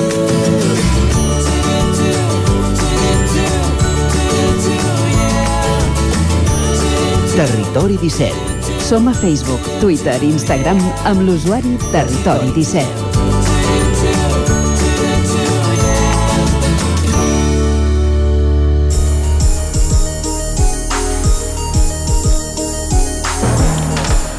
Josep Lluís Martínez, conegut com a Picanyol, va morir als 73 anys el dijous 18 de març, nascut a Vic el 1948 però natural de Mollà, on va viure fins als 15 anys, ha sigut un dels moianesos més reconeguts al país i molt estimat al poble i a la comarca. L'artista va publicar històries gràfiques i tires còmiques a la mítica publicació Cavall Fort durant 42 anys. I Ot el Bruixot és el seu personatge més emblemàtic. Mollà li va dedicar una estàtua que es troba al Parc Francesc Vinyes i a Collsospina li van dedicar un carrer. Anem ara amb Caral Campàs des d'Ona Codinenca per parlar de tot plegat. Bon dia, Caral. Bon dia, doncs sí, precisament per parlar de la figura de de Picanyol. Tenim a l'altra banda de la línia telefònica a David Guerra. És grafista i dibuixant de professió, però vinculat al món de la comunicació local des de jove, membre de Ràdio Mollà des del 1991 i director de l'emissora del 97 al 2002. Avui el tenim al telèfon, però com a fill de Mollà i per la seva vessant artística. Bon dia, David. Bon dia. Uh, tu vas arribar a conèixer Picanyol? Sí, i tant. Uh, durant molt de temps, uh, bueno, és típic, no?, que te'l vas trobant pel poble i, i és una persona, bueno, és allò típic, no?, quan ets petit, oh, soc Picanyol, i anaves allà a demanar-li un dibuix o, o això, però per altres, eh, per altres circumstàncies també sóc molt, molt amic de d'una de les seves filles i, i bueno, ja ens coneixem des de fa molt, molt de temps. I què suposa la seva pèrdua per Mollà?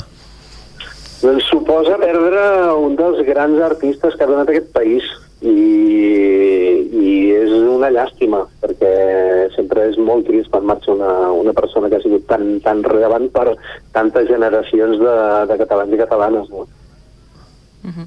A Mollà hi teniu una estàtua que se li va dedicar i és, és una recreació de l'Ota el Bruixot, que és el seu personatge més emblemàtic. On està situada concretament i quan i per què se li va fer aquest reconeixement?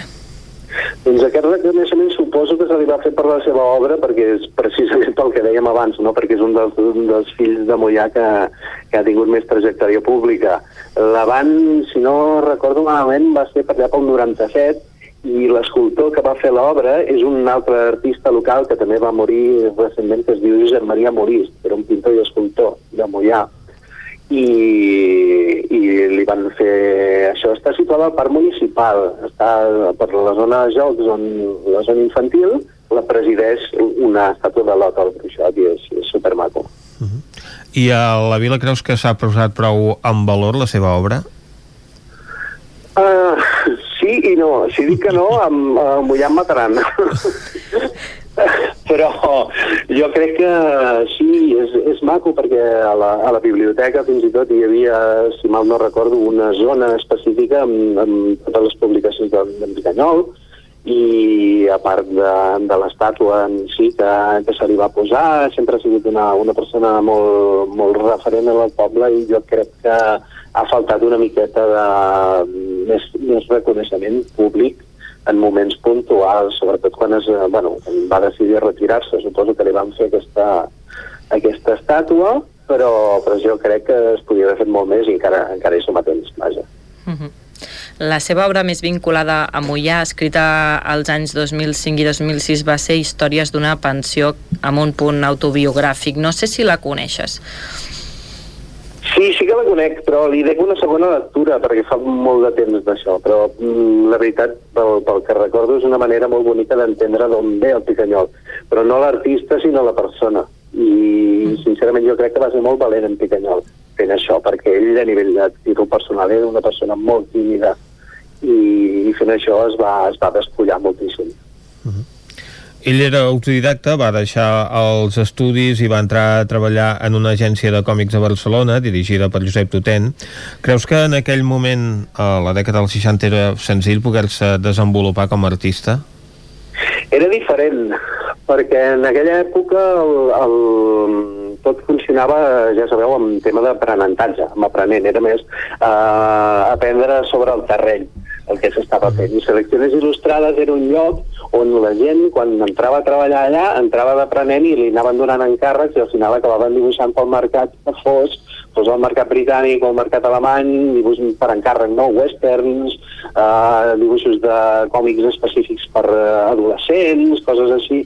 I llavors era una manera molt pràctica d'entrar al terreny. I allà jo suposo que va agafar tota la mà que, que no li hagués donat cap altra escola. Eh, creus que el seu estil de dibuix, que podríem dir que és net i força infantil, i ell com a artista es podria equipar, equiparar a dibuixants com la Pilarín Vallès o en Joan Turo eh, en el marc d'això de, dels dibuixants de còmica en català? Uau, has dit dos dels bons, eh? Perquè Joan Turo ara mateix és, és el, el gran exponent de la, de la, de la il·lustració infantil i la Pilarín, clar, òbviament la Pilarín és la Pilarín. I jo crec que sí, es pot equiparar, no, no són similars en quant, a, en quant a dibuix, perquè tots tenen estils molt diferents, però jo crec que si has de buscar uns referents no podies haver triat uns millors. Perquè ell quines influències artístiques tenia? Uh, ell tirava molt per la línia clara mm, franco-belga, per dir-ho clar i català, Tintín. Uh -huh. val? És, és el, el, el més clàssic. Hi ha altres autors catalans, com per exemple Madurell, el creador d'en en Massa Gran, que també tirava per aquesta línia. Línia molt clara, molt ben definida, sense gaires uh, elements que distraguessin, una cosa molt, molt, molt així. Jo, jo crec que sempre va tirar per aquí, però una cosa d'en Picanyol és que ell tenia un estil molt únic, en aquest sentit. El, el seu personatge més conegut, Lot, el Bruixot, era el protagonista de les seves tires també més conegudes, publicades a la revista Cavallfort. El personatge afrontava situacions eh, de les que algunes vegades doncs, no en sortia gaire airós. No sé, quin, quin és el missatge o crítica que creus que es desprèn dels seus acudits o les seves tires? Uh, uh, jo crec que, que era una mica portar a casa nostra la manera de fer humor de les, les clàssiques tires còmiques dels diaris de, del segle passat. Tota la, la tradició còmica americana de, de, de còmic strip mm, jo crec que va, va agafar això i tenir en compte la revista on es publicava he sentit que l'humor de les tires fos càndid, fos, fos una cosa molt, molt càndida, tot i que de vegades tenia mala llet, no? El que deies, que no, no en sortia airós. Eh, crec que també va una mica amb la tradició de l'humor surrealista, com per exemple feien Coll de TVO, de, de la revista TVO. I jo crec que també volia que el personatge fos humà, eh, i amb les misèries que tenim tots, no? Les bronques amb la dona, o es despistava, o un policia l'intentava detenir i havia de fer un truc de màgia, no, no sé, jo crec que, que era una mica això. I el fet que fos un uh, personatge mut d'humor blanc, això va contribuir a que l'Ot el Bruixot fos més universal i arribés a més països? Jo crec que sí, jo crec que sí. De fet, és una, una, una manera molt, molt... Ja no només per, per la manera de fer-ho, no? que sí que és, que és curiós que pot arribar amb, amb molts més molts més llocs sense necessitat de buscar una traducció, això, sinó que la, la manera de fer els còmics, de, de buscar sempre que el teu humor no tingui paraules i, i tingui una, un resultat que, que acabi amb un somriure, és, té molt de mèrit. La Tol Bruixot es publicava doncs, amb dos acudits a cada número de Cavall Fort, es va fer ininterrompudament des del de, 1971 i a partir doncs, del 2015 ja va anunciar en Picanyol que començava a jubilar-se i deixava aquesta tira. Llavors tenia 66 anys i havia estat dibuixant la Tol Bruixot durant 44 anys amb un total de 1.500 tires. Això és moltíssim, mantenir un personatge tants anys. Això és moltíssim i jo crec que no se li ha donat el valor que té perquè molt, molt pocs artistes d'aquesta de casa nostra té una producció tan bèstia uh -huh. i Griot el Bruixot com a, com a personatge a part de ser una institució de, Norma Editorial va fer una bona feina fent una, la, la recopilació l'integral de, de la del Bruixot i jo crec que s'ha de, de fer més per reivindicar-lo doncs una obra que haurem de recuperar moltes gràcies David Guerra per acompanyar-nos avui moltes gràcies a vosaltres. Amb ell hem analitzat la transcendència de la figura d'en Picanyol, aquest dibuixant, creador de l'Ot i el Bruixot, que ens va deixar dijous de la setmana passada. Ara, al Territori 17, fem una pausa i tornem tot seguit.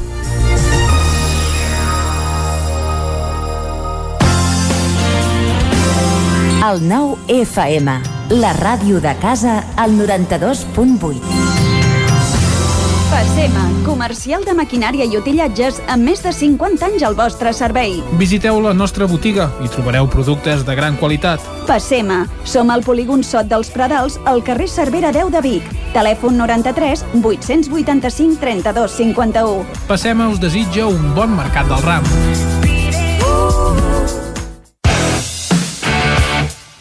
Vine a Autoscola Montseny i t'informarem de les nostres ofertes. Permís de moto 16 anys amb 4 pràctiques des de 399 euros.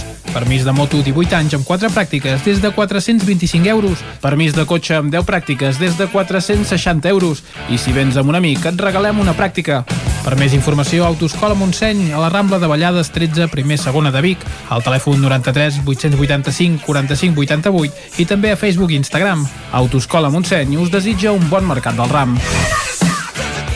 Anuncia't al 9FM. La màquina de casa. 9 3 8 8 9 4 9 4 9. Publicitat arroba al 9FM.cat. Anuncia't al 9FM. La publicitat més eficaç. Vols gaudir d'un bon arròs a casa sense no haver d'embrutar ni preocupar-te per res? La Fogonera, paelles per emportar. Un seguit de paelles, tapes, platets i postres casolans pensats per a paladars exigents. Ara més, fem menús per a petits grups de comensals. La Fogonera, la rosseria de paelles per emportar a GURB i que també et portem a casa. Telèfon 93 851 55 75 i a lafogonera.cat. I quan cau la nit, Pupurri Culinari, solucions per sopar les nits de divendres i dissabte. Entra a pupurriculinari.cat i tria. A Vic, T52, un taller d'emocions. Una celebració, un reconeixement, un record, la victòria, el premi. Tenim una solució personalitzada per a cada ocasió. Ens trobaràs al centre, al carrer 941 i també a l'Horta Vermella, al carrer Menéndez Pelayo 31. Més informació a t52.cat. Pintures Xevi Soler. Tot en pintures. Façanes, obra nova, rehabilitacions interiors de vivenda, estucs, microciments, pintura industrial, motllures, terres vinílics... Pintures Xevi Soler. Ens agrada assessorar-vos i fer de casa vostra el millor lloc del món. Ens trobareu a Manlleu, al carrer Sogorb 113, telèfon 616 15 87 33 o 93 851 3504. La ràdio de casa al 92.8. El 9 FM.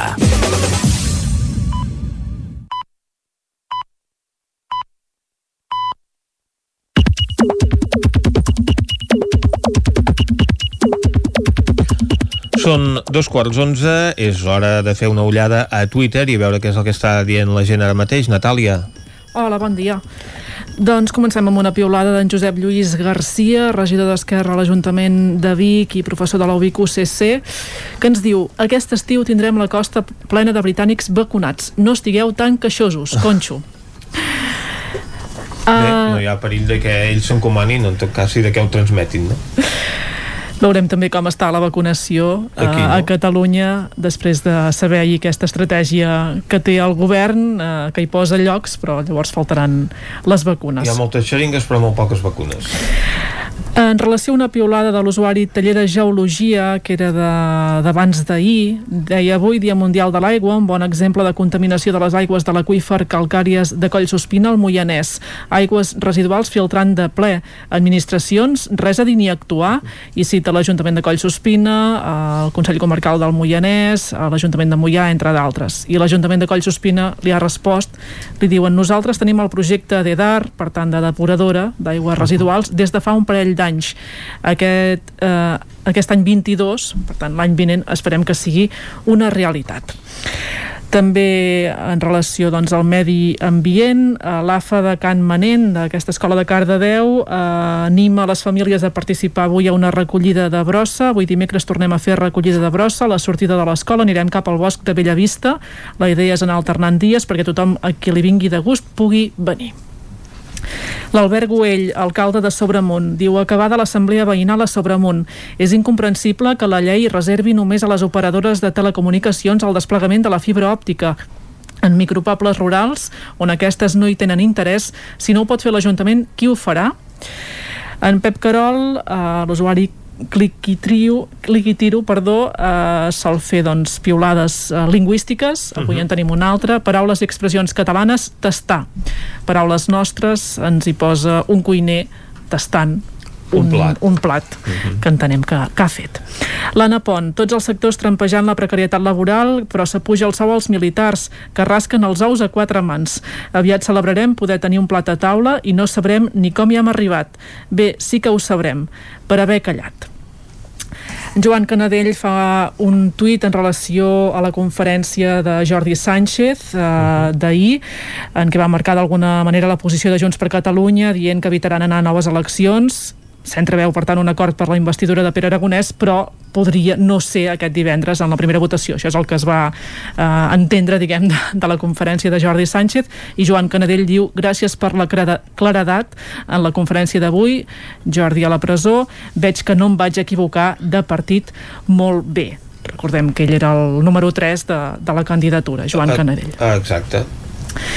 Carles Furriols, neguitós per poder escoltar i gaudir avui al vespre de dos homes molt llegits, el molt honorable Quim Torra i el gran poeta Lluís Solà i Sala, a la ciutat dels Sants, aquest vespre a dos quarts de vuit al Sucre eh, uh mhm. -huh. Quim Torra hi presenta aquest llibre que ha escrit Les Hores Greus dietari de canonges una altra piulada eh, de, que ens pot servir d'agenda en aquest cas perquè en Guillem Roma que dissabte presenta el nou disc a l'Atlàntida de Vic eh, ha avançat el nou videoclip d'aquest sí, sí. nou treball Kiribati, que és de la cançó que dona nom al disc, ho ha fet també a través de Twitter i acabem amb I també una... ho ha fet a través de la, al Territori 17 perquè avui n'hem escoltat algunes cançons d'aquest nou disc, les que no havíem escoltat ja, perquè en Jordi les té sempre totes a punt. Ah, exacte, avui hem escoltat Guillem Roma, sí, sí. Molt bé. I acabem amb la piulada que sol fer cada matí en Francesc Mateu, Uh, comença el dia emboirat i fantasmagòric, molta humitat i sensació de fred, però diuen que sortirà el sol i tindrem un bon dia de primavera. Bon dia, és veritat que avui a Osona ens hem llevat, doncs, que amb semblava boira. que fos a, a mig hivern, amb, boira, amb aquesta boira que a vegades ens acompanya. I també amb temperatures de zero en alguns punts. Anem ara a fer una ullada al 99.cat a veure què diuen les portades. En l'edició del Vallès Oriental, Corrado Pol s'hi toca la Guàrdia Urbana en agraïment per la recuperació del violí sostret al tren. Recordeu aquesta història del director de l'Orquestra de Cambra de Granollers, que li van robar el violí en un viatge en tren. La Guàrdia Urbana de Barcelona el va recuperar al Raval i ell va fer doncs, aquesta actuació d'agraïment davant de, de la policia. Afortunadament. Els regidors de Ciutadans a la Garriga i Montornès mediten el seu futur al partit i Pimec nomena Josep Ginesta de Vilamajor secretari general de la patronal. Josep Ginesta, que recordem havia estat secretari general de, del Departament de Treball de la Generalitat, que ara ja feia uns mesos que era PIMEC després de la seva sortida del govern. Ah, exacte. I a la portada del 9-9 d'Osona i el Ripollès la primera notícia és una, una entrevista, entrevista a Raquel Serrat, responsable de dona d'Unió de Pagesos, amb el titular S'idealitza la vida al món rural però s'ha fet evident la manca de serveis bàsics. Com a segona notícia més destacada aquesta hora, la tecnologia 5G arribarà a Osona a finals del mes d'abril i també hi tenim una crònica d'una família que ha passat aquest cap de setmana mm, anterior, el que deixem enrere, en una casa de turisme rural de, de la comarca, amb el titular Els nens estan emocionats de sortir. Molt bé, doncs moltes gràcies Natàlia. Nosaltres anem ara cap a la taula de redacció. Territori 17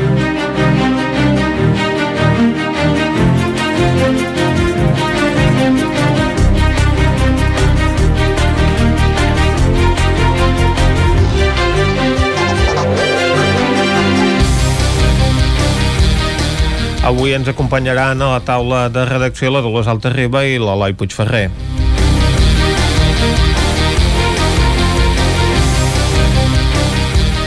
Comencem parlant amb uh, l'Eloi, a veure, Eloi, tu quin mòbil tens? És 5G o no és 5G el teu mòbil? Doncs l'altre dia m'ho vaig fer mirar i, i tinc dubtes perquè crec que sí.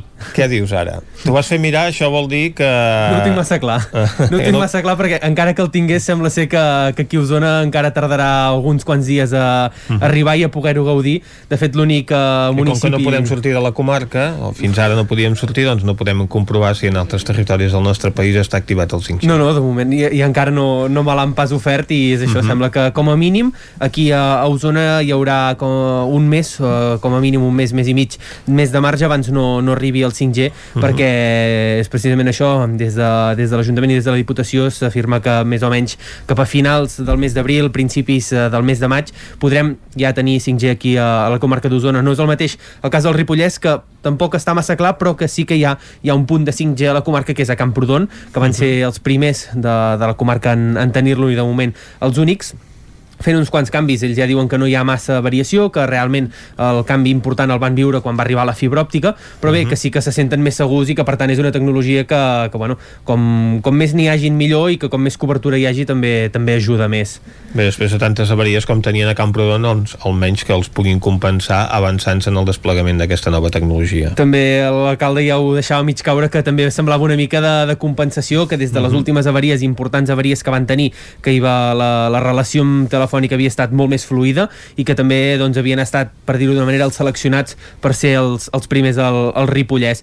Però bueno, sembla ser una, una tecnologia que ja s'ha desplegat, eh, segons eh, senyalen Movistar i Vodafone, el 76% de la població catalana, sembla ser que a Osona encara no, que en aquest sentit va una mica més a la cua, però també evidentment uh -huh. es destacaven i els experts com, eh, com Ramon Roca o fins i tot també Albert Boix de, de GoFund destacaven això, quan es parla del 76% de la població vol dir principalment les grans ciutats, per tant uh -huh. tampoc és un gran desplegament, tampoc és un desplegament que arribi a totes les zones rurals, que serien una mica els que potser més ho agrairien, sinó que està una mica encara entre dues aigües i, i sembla ser això, tothom sembla apuntar que, que serà molt bona, que més tecnologia millor per tots, però que hi ha aquest punt encara de, de escepticisme de veure cap on va i molts ja ho deien, és una G més, vam parlar de l'1G, del 2G, del 3G, del 4G, uh -huh. ara parlem del 5G i d'aquí uns anys eh, molt probablement ja parlarem també del, del 6G. Del 6G, que ja s'està eh, desenvolupant aquesta tecnologia. L'arribada del 5G seria amb tots els operadors?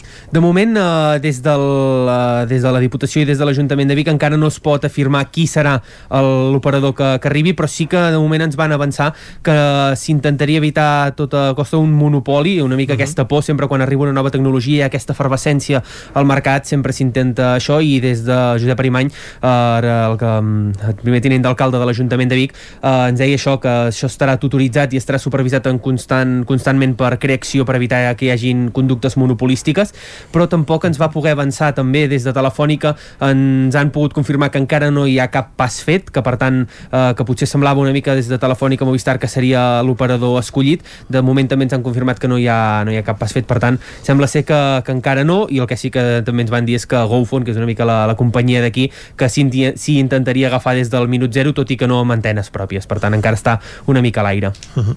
Molt bé, doncs moltes gràcies, Eloi. Gràcies. Ara nosaltres anem a parlar amb la Dolors Alta Riba del Mercat del Ram, que arriba ja, de fet, comencen ja les primeres activitats, no? Sí, de fet en aquests moments s'està fent eh, la presentació d'un congrés sobre bioeconomia que es farà de cara a l'any 2022 i que es farà tant a, a Vic com a Lleida, es farà de, en, les dues, en, el, en el moment en què Vic es farà sí al Mercat del Ram i a Lleida la Fira de Sant Miquel uh -huh. eh, és una, un congrés organitzat eh, impulsat també pel, pel DARP i pels dos ajuntaments i en aquest moment s'està fent la presentació del que serà aquest congrés que s'està preparant amb una jornada tècnica on s'explicaran doncs, eh, diversos exemples de de, relacionats amb tota la, la, la millora mediambiental de, de, de, doncs, per exemple dels residus de les granges o uh -huh. la, la, la manera com, com es pot arribar a la bioeconomia eh, circular no, en el, al camp no?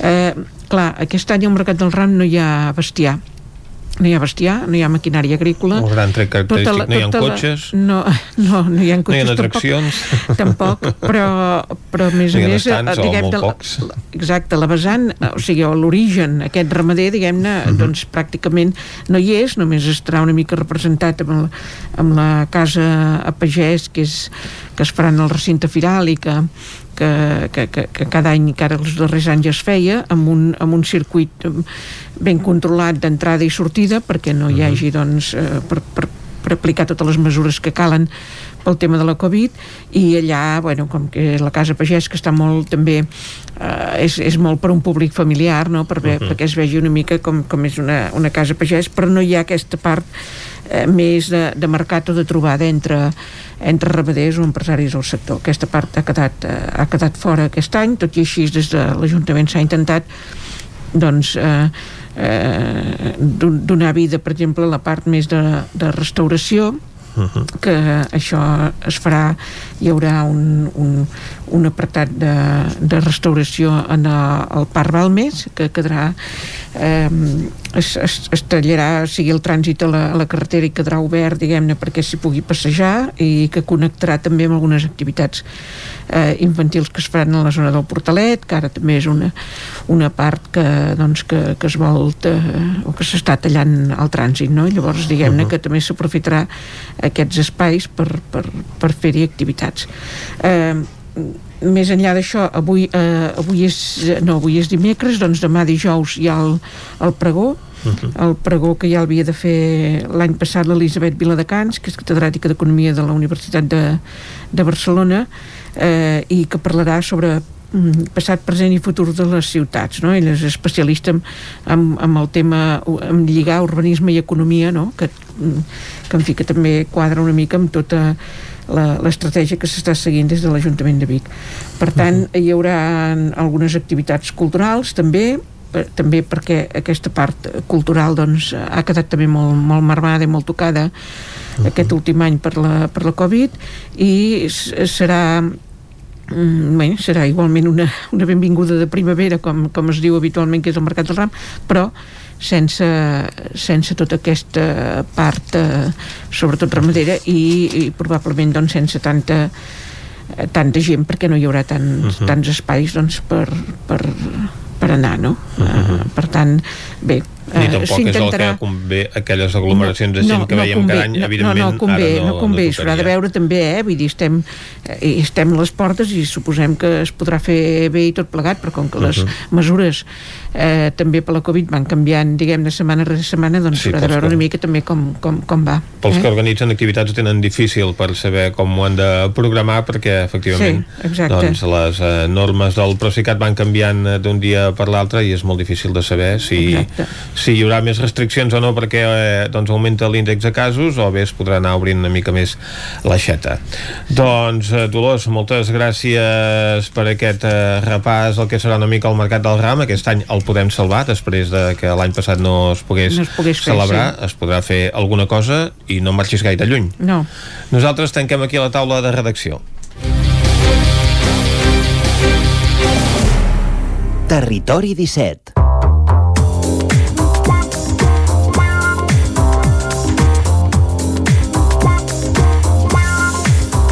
Ah, exacte, quan són tres quarts d'onze del matí, la Dolors que no se'ns escapi, que no marxi gaire lluny, perquè ara de seguida entrem al Lletra Ferits, la secció de literatura que ens acompanya cada setmana aquí a Territori 17, i avui, Vicenç, eh, la Dolors hi tindrà un paper determinant, eh, en aquest Lletra Ferits. Doncs sí senyor, avui la Dolors ens porta un convidat per analitzar doncs, una obra una obra literària, com fem doncs, eh, tot sovint aquí al Territori 17, eh, aquesta anàlisi de l'actualitat literària i l'anàlisi d'una de les obres Dolors, que eh, avui ens portes un convidat eh, Un llibreter d'excepció, eh? Sí, això sí. Un convidat que ja, Que no és la primera que vegada ja que coneixem. Exactament.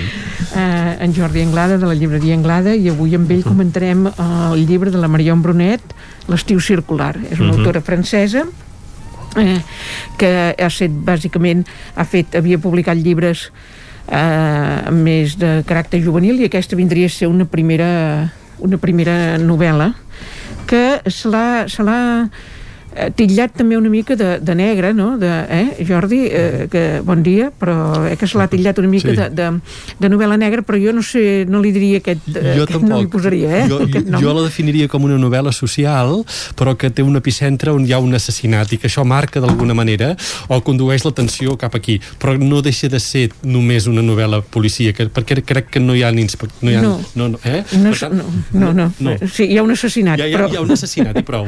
Però, en sí. canvi, el retrat que fa, diguéssim, des del punt de vista social, crec que és molt, molt, molt interessant, no? Sí. És a dir, un matrimoni que ells no han tingut estudis superiors, que de seguida m- van haver de treballar, es van, van tenir fills molt jovenets, eh, el, el pare fa de peó eh, de construcció, la mare és una monitora de menjador escolar, no?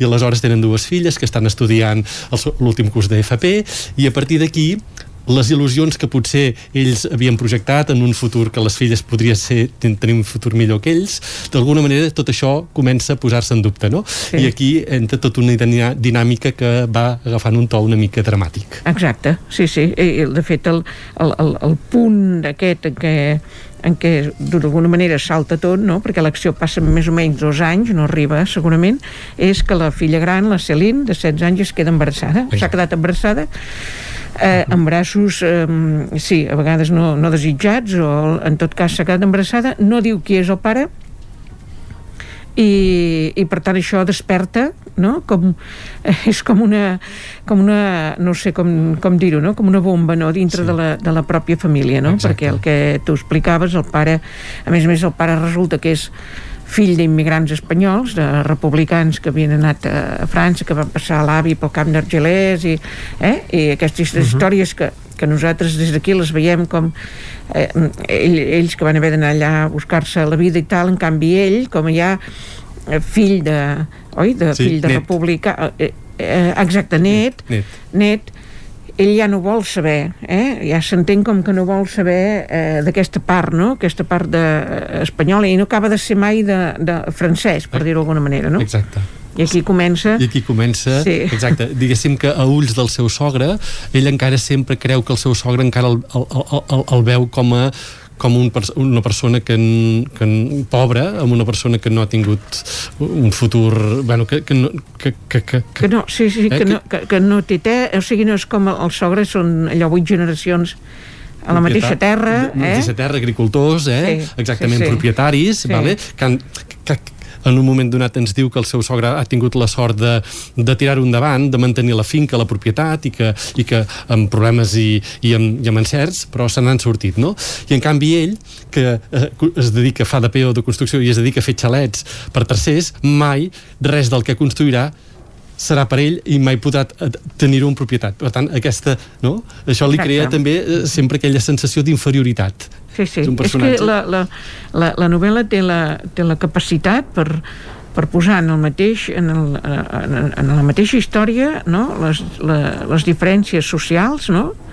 les, la, hi ha masclisme, hi ha Sí, racisme... hi ha racisme. O sigui, tot però escrit o posat com, si, com amb una normalitat eh, no? assumida, no? assumida, Sí o no? sí, eh? sí. Que és com... És com no, no, és, que- no, és, no és que no escandalitzi, escandalitza pel fons que té, però en principi el que explica ella no ho fa escandalitzant-se, no, No, Per no, dir-ho d'alguna manera, ho fa no. com si estés normalitzat. Sí, exacte.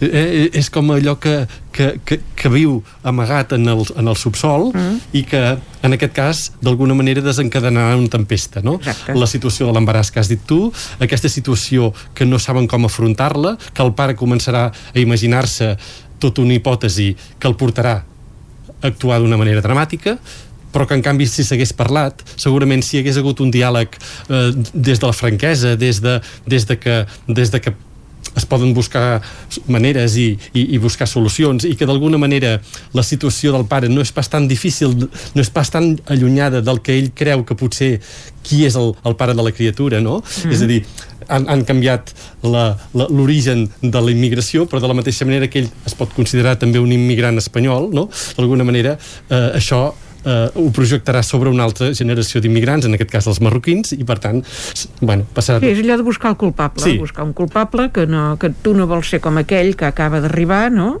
que és l'altre immigrant i per tant busques un culpable en, en, en aquell perquè et sembla que és com el més lògic Exacte. sense ni, ni parlar-ho ni plantejar-se que allò pugui haver estat una altra cosa també hi ha un, una, un, un tipus de de- d'educació entenc a la, a la casa eh, que tampoc, eh, en fi, el primer que fa el pare quan s'entera que està embarassada és pagar-la, no? Sí, per sí. no? Ja, ja diu I- moltes coses. Sí, i és curiós perquè també deixa, un, deixa anar un, un, un, no? un, un regust d'allò de dir, bueno, clar, com que és espanyol, no, potser una mica fa això perquè, és, perquè sí, perquè, perquè és espanyol de Barcelona, Sí, perquè, sí, sí, sí. perquè com l'avi eh, que, per altra banda el pare del, del, del pare de la novel·la eh, s'està morint, ell parla de Barcelona Sí, sempre, eh? Vull sí, dir que sí. eh, o sigui que, és clar, hi ha tota una, una sèrie de, de, de, de coses que te les pots imaginar perfectament, no? I que pots, uh -huh. fins i tot et pots imaginar que és un espai, el lloc on viuen, Sí. agradable, Agradable, bonic, sí, eh? sí. però que hi ha aquesta com una segona pell Exacte. Que, que va apareixent i llavors jo, Exacte. jo suposo que té també a veure, em sembla que ella és... eh, Educadora social. Exacte. Sí. I, i, i parla no, en moltes entrevistes o amb, que, que, que ha vist molts que n'hi ha més dels que ens pensem que hi ha uh -huh. molts problemes d'aquest tipus, sobretot, per exemple, embarassos Sí, sí. no desitjats o embarassos d'adolescents i, i com es gestiona tot plegat. També hi ha aquest punt de, bueno, el pare de la criatura ja se sap mentre eh, passa el llibre, d'acord? Eh, o, o encara que no es digui clarament, eh, i, i també hi ha aquest punt de, ostres, de, de l'aprofitament d'una nena de, de, bueno, d'una nena de 16 anys, no?, de 15, Mm, sí, de 15. Sí. de 15-16 anys sí. Que es donen com, bueno, com, a, com, com un fet no? que, doncs, que ja eh, de jovenetes hagin tingut relacions i que, i que, en fi, que ha com si... I elles mateixes, eh, d'alguna manera, entre cometes, es, es, es, es creuen que el que fan són com a dones, per dir d'alguna manera. sí. Eh? Mhm, No, sé com, no sé si ho explico bé, però És a ser... Sí, en, en el moment en què descobreixen la, el poder de la seducció inherent en el seu cos, d'alguna manera, a través del mirall de la mirada de, masculina, no? com això, elles agafen això com, un, com una forma d'empoderament, Mm. però, evidentment, sense saber que darrere això pot portar i derivar tot una seguit de conseqüències, Sí, no? sí, sí, sí, sí. I, que, i que, bueno, i que al final elles, eh, en realitat, que la, la que es queda embarassada no deixa de ser una víctima. El sí. que passa que mai es, es, es veu com a... Mai es veu com a víctima. I accepta aquest destí Sí. com, com, com... Bueno, i després què faràs? Després de tenir la criatura, què faràs? Tornaràs a l'institut? No, i això ja no està fet per mi. Llavors aquí hi ha també la diferència entre l'altra germana, Sí. que es porten un any, una, una noia amb molta més personalitat, amb ganes de marxar, de, de pirar, Sí, diguem exactament. de pirar del Sí, poble sí. i de... I, molt i de, interessant aquest personatge de la germana perquè a més a més té, hi, hi, ha, hi ha un moment en què té, té, té un interès cultural que és anar eh, al Festival de Teatre d'Avinyó i, però no té diners per pagar-se l'obra de teatre que vol anar a veure llavors a través d'una amiga que és una amiga rica, pija, Pija, d'alguna manera sí. doncs aconsegueix anar-hi no? i llavors és a través del comentari que fa sobre l'obra de teatre l'amiga pija s'adona de que els diners, més enllà de Exacte. tenir un vestit, un cotxe i una casa, també implica tenir coneixement, cultura... coneixement, cultura i poder donar eh, una explicació i haver entès el món d'una altra manera, no? I això, de cop i volta, ho, ho descobreix i diu que això, no, mm, bueno, per ella és una cosa que de moment ella no pot, no, no pot arribar-hi, però, però que, que clar que el camí serà camí aquest, serà el camí serà marxar i, i estudiar, segurament també hi ha apunts no? que diuen eh, tu sí que pots estudiar perquè té capacitat i tal, l'altra germana, la gran doncs és, és, és la, molt guapa però eh, també hi ha Sí. aquest punt de que no l'estudiar no és el que el que li agrada i llavors aquí hi entra amb aquest contacte també amb la, amb la zona pija, no? amb la gent més també hi torna a haver aquest tema no? de, dels, bueno, dels rics, dels que tenen uh -huh. més, no? que tenen aquelles cases amb, els, amb les piscines, també com es volen aprofitar també ells de la, de la, de la, de la gran que és la, que és, que és la més ingènua i que d'allò, no? Sí. També com es volen aprofitar i la, i la petita és la que surt a la, a la palestra, diguem-ne, a, a solucionar-ho i al final, eh, o al final o no tan final, hi ha un punt en què hi ha com una foguera de coses i allà van a parar tots els, tots els traumes, no? Una Exacte. mica, tots Sí. els traumes i totes les, les, tot el que està, el que està passant. És que, és clar, la, el pare, eh, aquest perfil, la mare, eh, la mare eh, no en vol saber pràcticament res de la filla embarassada, per què? Perquè a ella en el fons també li va passar el mateix. Exactament, exactament. Ho van salvar, Ho van salvar, sí. perquè ho van salvar de cara en fora, Sí. perquè es van casar molt joves. Mira, Exacte. es van casar molt joves, Sí. però Sí.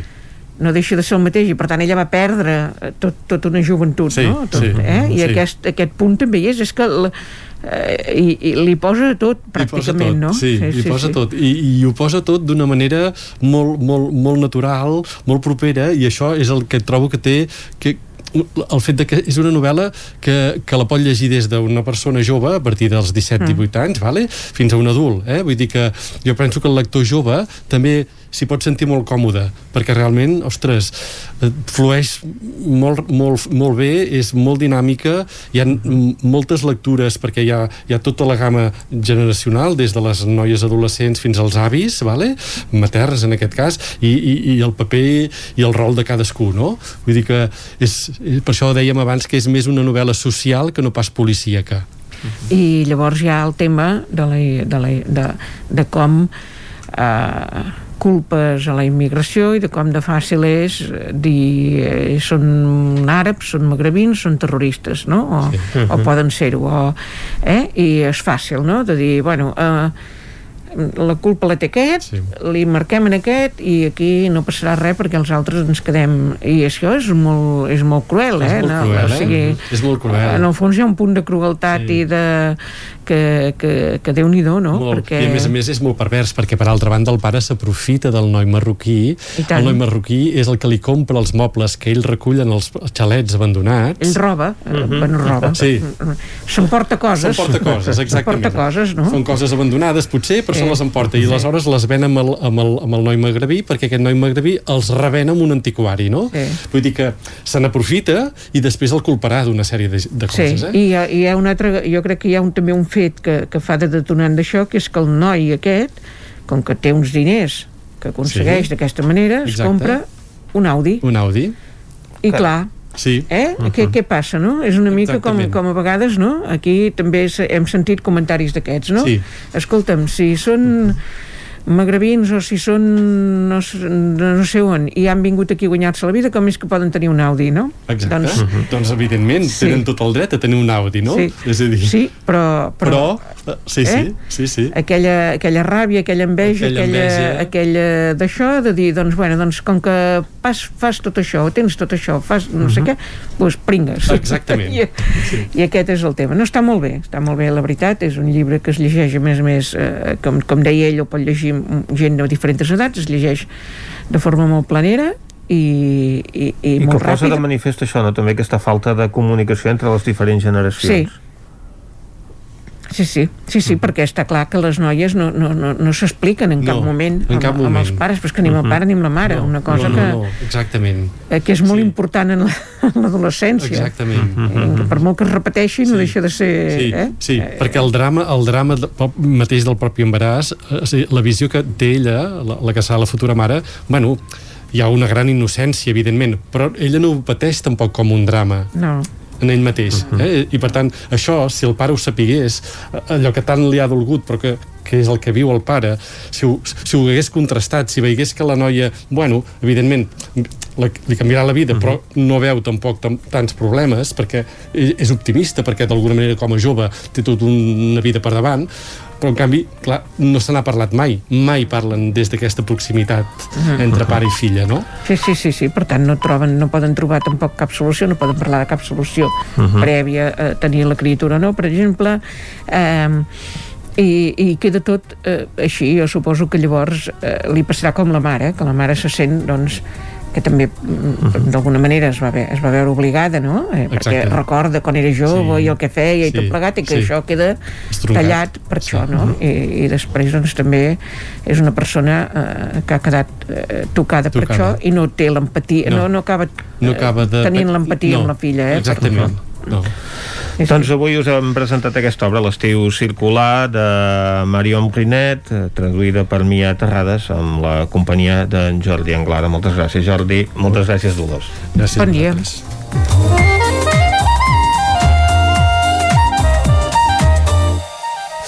I quan són les 11 i un minut del matí, torna la informació de les nostres comarques, les comarques del Ripollès, Osona, el Moianès i el Vallès Oriental. Territori 17, amb Vicenç Vigues i Jordi Sunyer.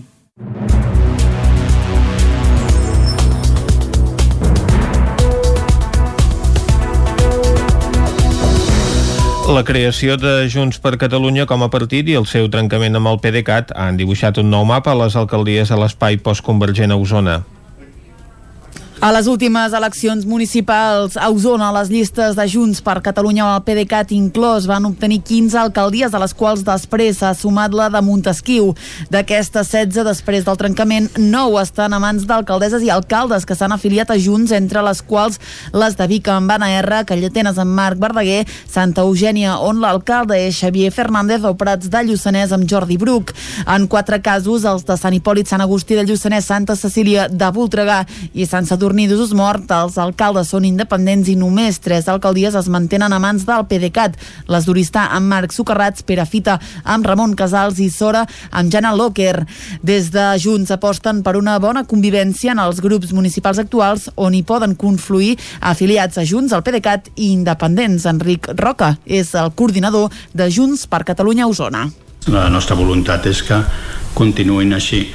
Després ja es veurà, en el moment de configurar les candidatures municipals, doncs, eh, evidentment, qui s'afilia a Junts per Catalunya, com a nou partit, o qui també vol, sota el nostre paraigües, presentar-se mantenint mantenir-se com a independents. A l'espera del Congrés que ha de fer el partit a nivell català mitjans de maig, actualment al capdavant del PDeCAT a Osona hi ha una gestora formada per set persones liderada per Àngel Subiracs continuarem. Vull dir, nosaltres defensem una centralitat, defensem a nivell un, un, liberal, un liberalisme que considerem que l'hem de continuar defensant perquè en el nostre país li fa falta. Tant Junts com el PDeCAT situen les properes eleccions municipals de l'any 2023 com a gran repte pel qual han de començar a treballar. Junts té previst anar formalitzant les agrupacions locals, començant per la de Vic. Segons les dades facilitades pels responsables dels dos partits a la comarca, Junts hi tindria en aquests moments uns 215 afiliats i el PDeCAT en mantindria prop de 200. L'Ajuntament de Cardedeu va signar divendres passat un nou acord amb la Generalitat de Catalunya que ha fet néixer el SAI LGTBI, un, nou servei, un nou servei que oferirà informació i assessorament sobre la diversitat sexual i de gènere i realitzarà acompanyament, atenció psicològica i atenció a possibles casos de discriminació. David Auladell, de Ràdio Televisió, Cardedeu. Neix a Cardedeu un nou servei d'atenció integral LGTBI. L'Ajuntament i la Direcció General d'Igualtat del Departament de Treball, Afers Socials i Famílies han subscrit un acord per impulsar aquest nou servei amb l'objectiu de defensar els drets de les persones LGTBI al municipi. L'acte de signatura que va tenir lloc a la sala de les columnes de l'Ajuntament va comptar amb la participació de l'alcalde Enric Olive, la responsable de l'àrea de joventut Lluïsa Jiménez, la cap de l'àrea de desenvolupament comunitari de Cardedeu Ingrid Llopart i el regidor d'Igualtat Hugo Loquetti. També hi va assistir la directora general d'Igualtat, Mireia Mata. Mata va voler destacar Cardedeu com un poble petit però combatiu, que fa bandera de la llibertat. L'escoltem. Crec que és molt important i és destacable que Cardedeu, que no és una gran població, vulgui, eh, més enllà de les obligacions que marqui la llei, afegir-se a la xarxa i contribuir eh, amb la seva experiència i voler, i voler donar aquesta atenció a les persones del col·lectiu LGTBI des del propi municipi, és a dir, una atenció de drets humans, de drets LGTBI des del quilòmetre zero. Eh, Cardedeu, que és una població a la qual reconeixem una aposta clara per la defensa dels drets civils, dels drets humans, eh, avui s'incorporen a aquesta xarxa i pensem que és un enriquiment no només per les persones del col·lectiu, per les persones de l'entorn i per la societat de Cardedeu en general, sinó que també és un, un enriquiment per aquesta xarxa. El SAI de Cardedeu té com a objectius visualitzar la realitat del col·lectiu LGTBI i donar suport i atenció a la diversitat sexual i de gènere. Oferirà assessorament a entitats i persones LGTBI i aquelles que s'adrecin per qüestions de diversitat sexual, orientació sexual i identitat o expressió de gènere. També oferirà atenció psicològica per a persones del col·lectiu i atendrà possibles casos de discriminació per orientació sexual, identitat de gènere o expressió de gènere. Jubila el metge de Camprodon i exregidor del municipi Jordi Bardala. Isaac Muntades des de la veu de Sant Joan. El metge de família d'atenció primària de l'àrea bàsica de salut de Camprodon, Jordi Bardala, jubila després d'haver arribat al municipi fa 38 anys, l'any 1983. Bardala va arribar a la vall de Camprodon amb només 27 anys i el pròxim 9 d'abril en farà 65. Tota una vida al poble que li ha fet guanyar l'estima dels camprodonins. Bardala va venir a Camprodon perquè li agrada la neu i anar a esquiar. En principi no hi havia d'estar tant de temps, però s'hi va quedar, ja que no va demanar mai el trasllat i va formar-hi una família. Tot i això, com és costum en la professió mèdica, encara treballarà alguns anys més. No del tot, això és la part més forta, no? la part pública d'aquí al cap de Camprodon, però seguiré amb el negoci que tinc a Ripoll, no? de, dels carnets de conduir, les llicències d'armes, les mútues de la, de la comarca i de, i de Ripoll, i ara estem obrint una consulta, un centre dermatològic en el mateix centre on tindrem un dermatòleg que donarà servei a la comarca. No? Estem liats amb aquest projecte. Crec que fa falta, perquè la dermatologia és una de les especialitats del Ripollès doncs, que va, va coixa, va coixa i amb unes llistes d'espera molt àmplies i això doncs, pot fer eh, que la gent tingui una accessibilitat més, més bona i amb menys temps per resoldre els seus problemes dermatològics. El metge jubilat camprodoní va dir que la seva intenció és treballar fins als 70 anys, ja que a diferència d'un cirurgià que necessita un hospital amb el seu quiròfan, els professionals de medicina general poden exercir muntant-se una consulta pel seu compte. Bardala va explicar que molts camprodonins s'havien sorprès per la seva jubilació perquè li tenien molta confiança després de tants anys i li deien que seria difícil tornar-la a agafar. Ell va dir que deixa un equip de professionals molt bons i que en quatre dies ja estarà oblidat. Ara que està jubilat també aprofitarà per gaudir de les seves aficions. Sí, continuaré visquent a Camprodon, aquest és el meu quartel general, no? El que passa que voltaré més, no? La meva dona, la Marta, encara està activa, treballa a l'Escala, viu a Girona, per tant, jo moré entre Camprodon, Girona, Barcelona i, eh, i Palamós, on tinc un petit apartament també, no? Vull dir, a, a les èpoques aquí, a Girona, a Palamós, bueno, i després doncs vull desenvolupar la meva gran afició, que és la navegació, no? Cal recordar que Bardala també ha estat molt implicat amb la vida municipal, ja que durant 20 anys va ser regidor de l'Ajuntament de Camprodon pel PSC i també va ser conseller comarcal durant 8 anys. Caldes de Montbui incorpora el servei de cita prèvia electrònica. Des d'ara, a banda del telèfon, també es podrà demanar hora online en un espai web en funcionament durant les 24 hores al dia. Caral Campàs, des d'Ona Codinenca. Des de l'esclat de la pandèmia i el confinament domiciliari, la majoria d'institucions públiques van instaurar el sistema de cita prèvia per poder realitzar qualsevol tràmit de manera presencial. Així es pot controlar l'aforament de l'espai i garantir el manteniment de les mesures de seguretat sanitàries. A Caldes, el consistori va externalitzar la gestió de les trucades per demanar cita prèvia per tal d'alliberar els funcionaris de les oficines. Sentim David Través, ja regidor d'Atenció Ciutadana. Parlo de la cita prèvia en positiu perquè els treballadors i treballadores de l'Ajuntament poden posar plena atenció en la tasca que estan desenvolupant. I faig esment a la plena atenció per dos motius. Avui sí que és cert que estem explicant la cita prèvia, però haver-hi un canvi anterior, que és el fet que l'atenció telefònica no la feia la mateixa persona que estava fent l'atenció presencial en aquell mateix moment aquí el fet de posar aquesta plena atenció en el que s'està realitzant. Ara s'ha obert un nou canal per demanar cita prèvia. Mentre que fins ara només es podia sol·licitar a través del telèfon de 8 del matí a 8 del vespre, recentment s'ha obert un espai web caldesdemontbui.cat barra cita prèvia que funciona durant les 24 hores. Es pot demanar cita prèvia de manera telemàtica per alguns tràmits com ara el registre, cementiri o gent gran. També hi ha altres tràmits que es poden fer de manera exclusivament telemàtica com el padró. En parlava en aquest sentit Montse Campos, responsable de l'Oficina d'Atenció Ciutadana. Els tràmits de padró, que fins ara eren estrictament presencials, estàvem esperant que hi hagués una modificació a la normativa padronal, que justament va entrar a començaments d'abril de 2020, en ple confinament.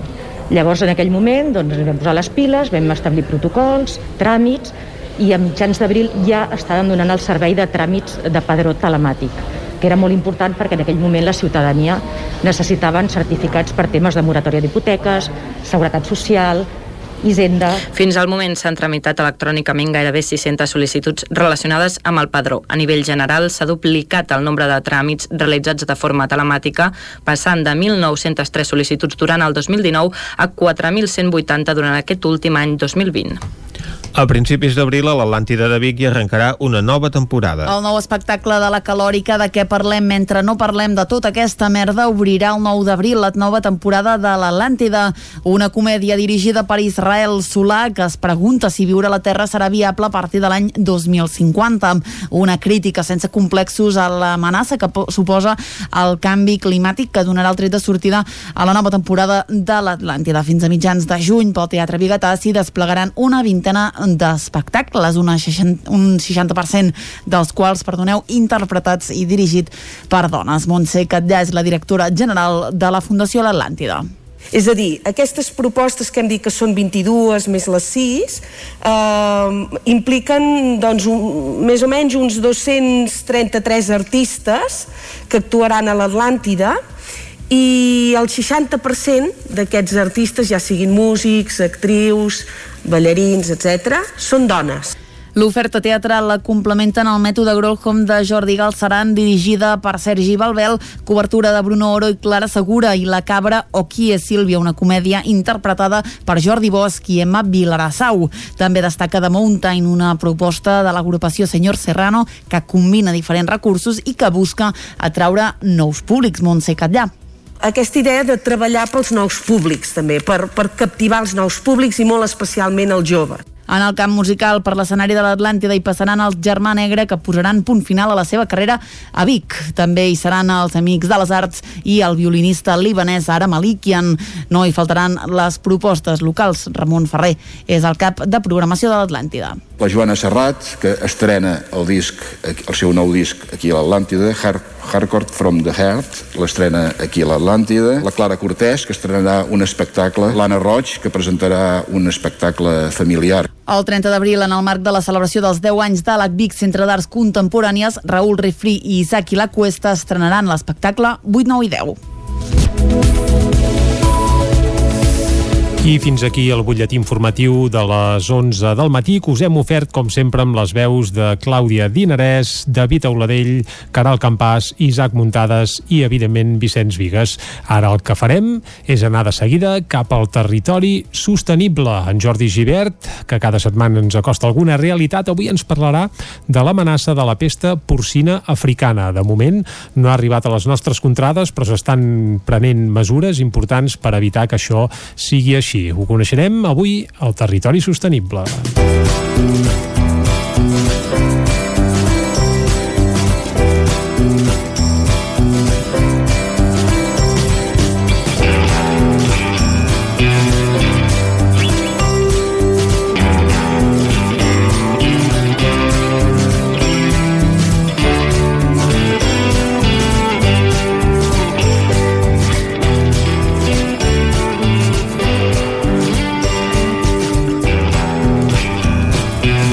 Avui al Territori Sostenible volem parlar amb un veterinari perquè ens parli de la pesta porcina africana, una malaltia que ha fet saltar les alarmes al sector porcí i és un sector que en el nostre territori, a les nostres comarques, eh, és dels capdavanters en el sector alimentari.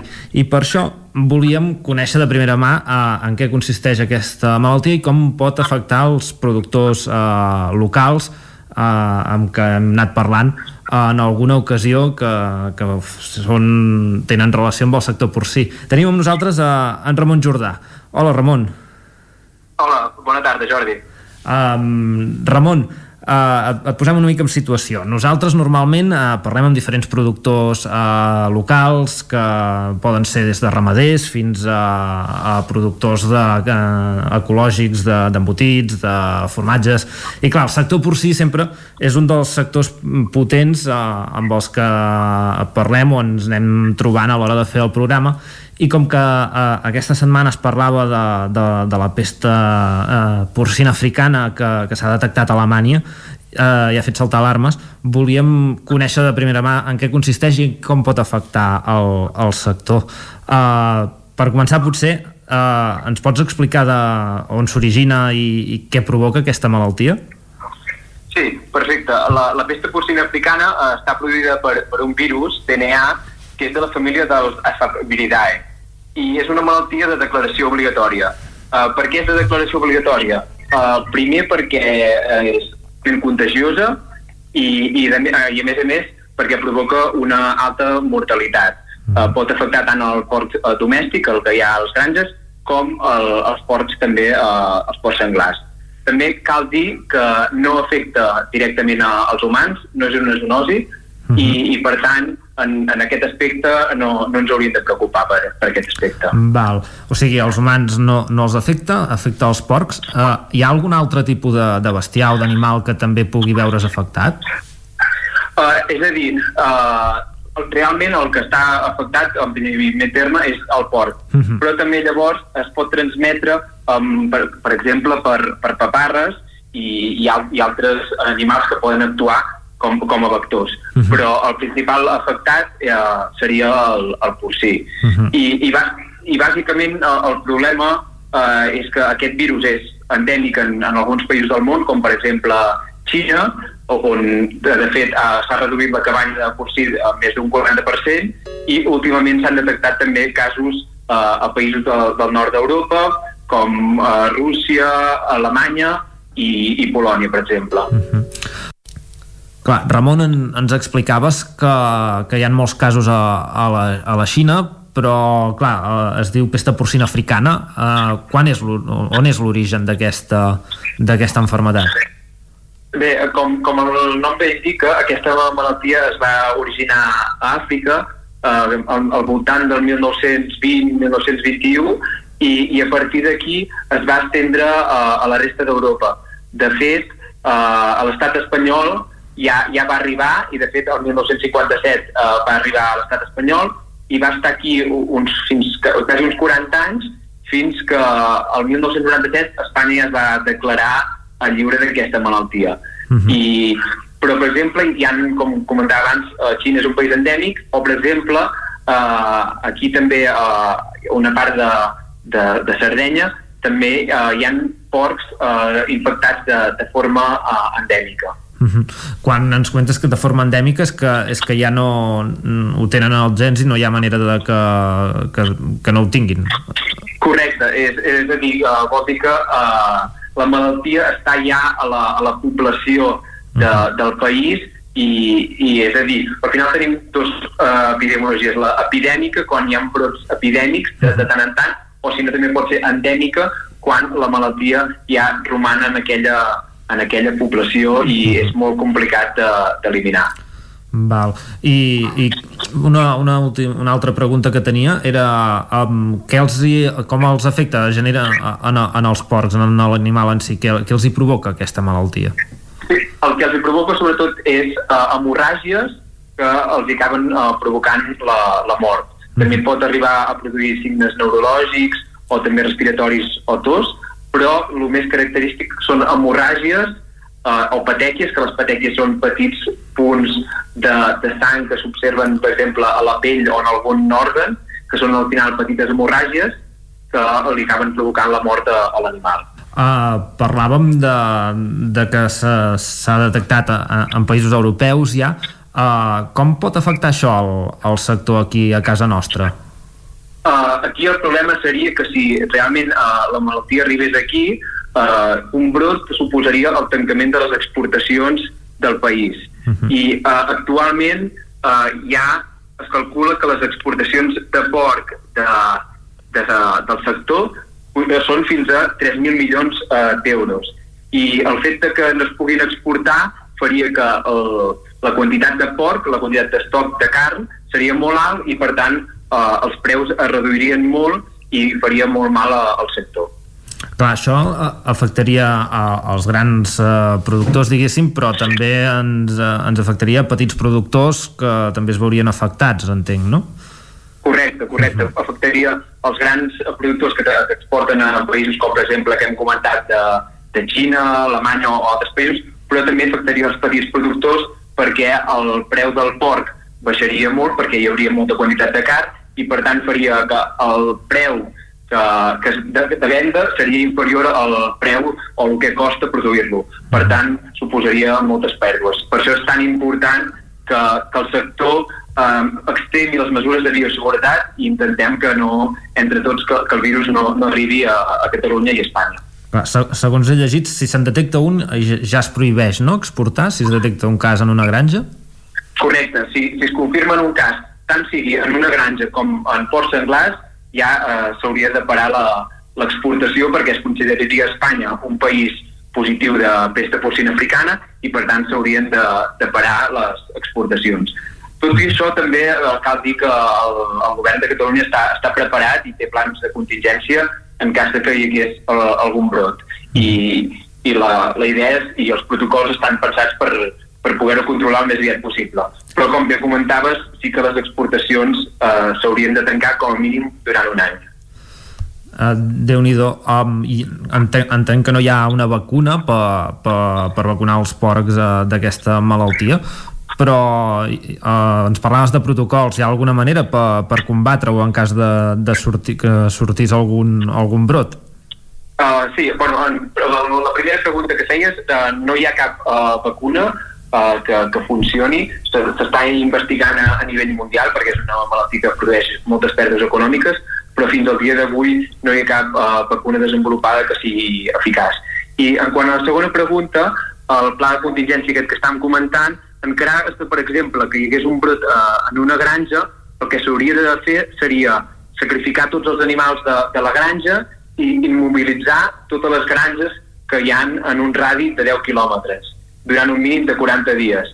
I per tant, en, en comarques o zones com, com la nostra, on la densitat de, de granges és tan elevada, significaria que afectaria moltes, moltes granges. Això en cas d'una granja. I en cas de que fos un port senglar salvatge, en aquest cas el que es faria seria tancar en un radi entre 6 i 10 quilòmetres al voltant d'on s'ha trobat el, el cadàver o l'animal amb la, amb la pesta porcina africana. I a més a més, segurament es restringiria l'accés en aquesta zona perquè eh, seria perillós que altres animals entressin allà i poguessin també eh, transmetre, no? el, sí, el, el virus també. Uh -huh. uh, uh, a partir d'aquí, uh, clar, nosaltres normalment parlem amb productors uh, ecològics que tenen una, una cura uh, específica del, del bestiar, en aquest cas del, del porc. Ells han d'actuar d'alguna manera diferent o tenen alguna alternativa? També es veuran igualment afectats? Uh, correcte, es veurien igualment afectats i des d'aquí les recomanacions serien tant per ells com per tots els productors d'extremar de, les mesures de, de bioseguretat. Uh mhm. -huh. Els principals riscs de que arribi aquesta malaltia seria si vingués de, dels països aquests que hem dit que estaven afectats de, del nord d'Europa. Uh mhm. -huh. Com pot venir la mal malaltia d'aquests països? Principalment per dues vies. Una seria a través de la importació de garrins d'aquests països. Uh -huh. uh, llavors, la importació és correcta i es pot fer, però els controls han de ser uh, molt importants. Hi ha d'haver controls tant de serologia com, com de PCR uh, amb tots els animals que, que s'importin. D'aquesta manera es, es podria controlar, però com deia, uh, és molt important que, que hi hagi aquest control. I l'altra manera com podria arribar la, la malaltia és a través de carn d'animals infectats, perquè sí que uh, aquesta malaltia es pot transmetre, per exemple, a través de, de la carn de porc, ja sigui embotit o pernil o el que, o el que sigui.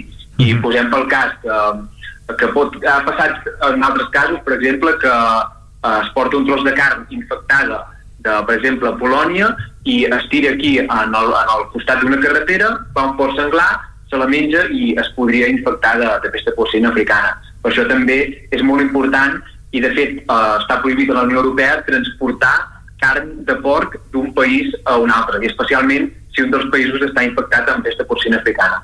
Uh -huh. O sigui, ara ja actualment no, no es pot uh, transportar carn de, de, de porc d'un país a un altre.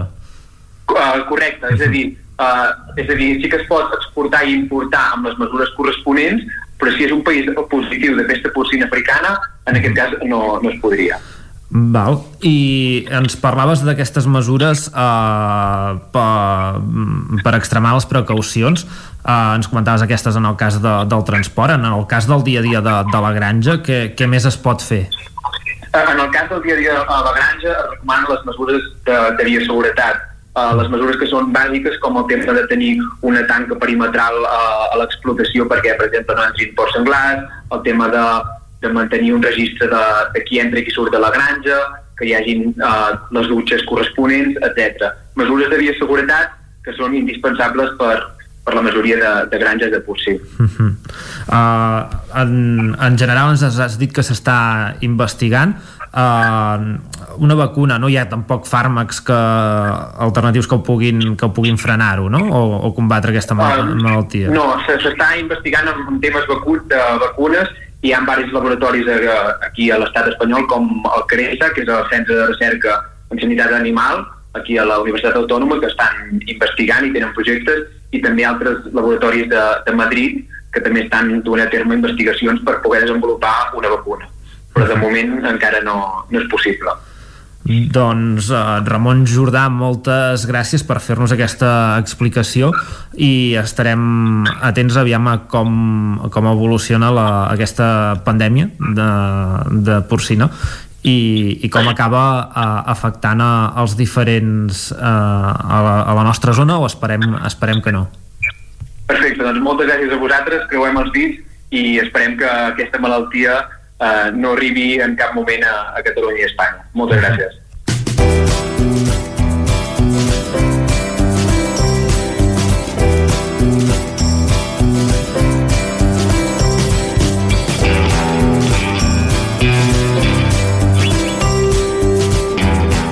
Territori 17 Doncs el territori sostenible d'avui, que en Jordi Givert ens ha costat la realitat de la pesta porcina africana, tant de bo uh -huh. no hàgim d'informar aquí mateix a Territori 17 que ha arribat a les nostres contrades. Això seria una molt mala notícia que esperem no haver de donar. Jo encara recordo el darrer cop que n'hi va haver de pesta porcina aquí a la comarca i la veritat és que va causar estralls. Eh? I tant. És una situació dramàtica pel sector, encara que no afecti a les persones, evidentment, doncs, a totes les empreses que depenen d'aquesta economia, la situació seria complicada. Va, ara fem una pausa i tornem a dos quarts en punt. El nou FM, la ràdio de casa, al 92.8.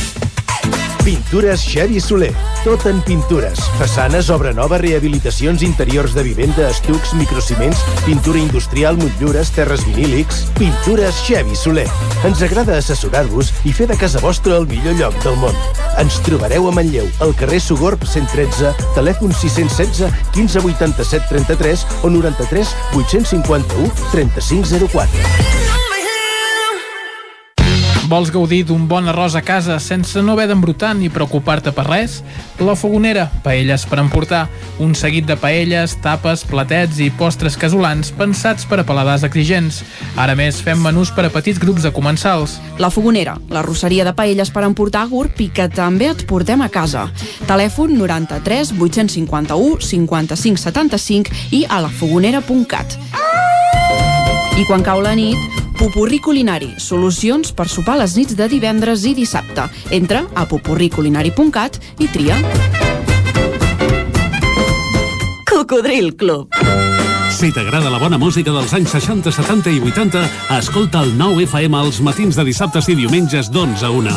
És el temps del Cocodril Club, tot un clàssic de la ràdio, amb les bases del pop-rock, les llegendes, les cançons que s'han convertit en autèntics himnes. Recorda, dissabtes i diumenges al matí, d'11 a 1, al 9 FM 92.8. Cocodril Club, el programa revival de l'Albert Malla. Hasta luego. Els dies 25 i 26 de març se celebren les eleccions agràries. Les votacions seran únicament pel sistema de votació electrònica. Pots votar remotament amb l'IDCAT certificat, el DNI electrònic, altres certificats reconeguts o amb el sistema de reconeixement biomètric. També pots votar de manera presencial amb el DNI des de qualsevol dels punts d'assistència al vot electrònic. Tots els punts comptaran amb les mesures sanitàries necessàries per garantir la teva salut i la de tothom. Més informació a agricultura.gencat.cat, Generalitat de Catalunya. A Montse Estètic Vic celebrem dos anys. Tant si ets client nostre com si ens acabes de conèixer, gaudiràs de descomptes i promocions tot el mes de març. Aconsegueix un 2 per 1 en la depilació làser al portar un amic o amiga i enamora't gratuïtament de la presoteràpia mentre et fem un tractament facial. Cuida't més que mai. Ara amb el 20% de descompte en tots els productes. Vine a Montse Estètic i mima't. Ens trobaràs a l'Avinguda Pius 12, número 26 de Vic. Al telèfon 672 1704 23 i a la web montsestètic.com. La ràdio de casa al 92.8. El 9 FM.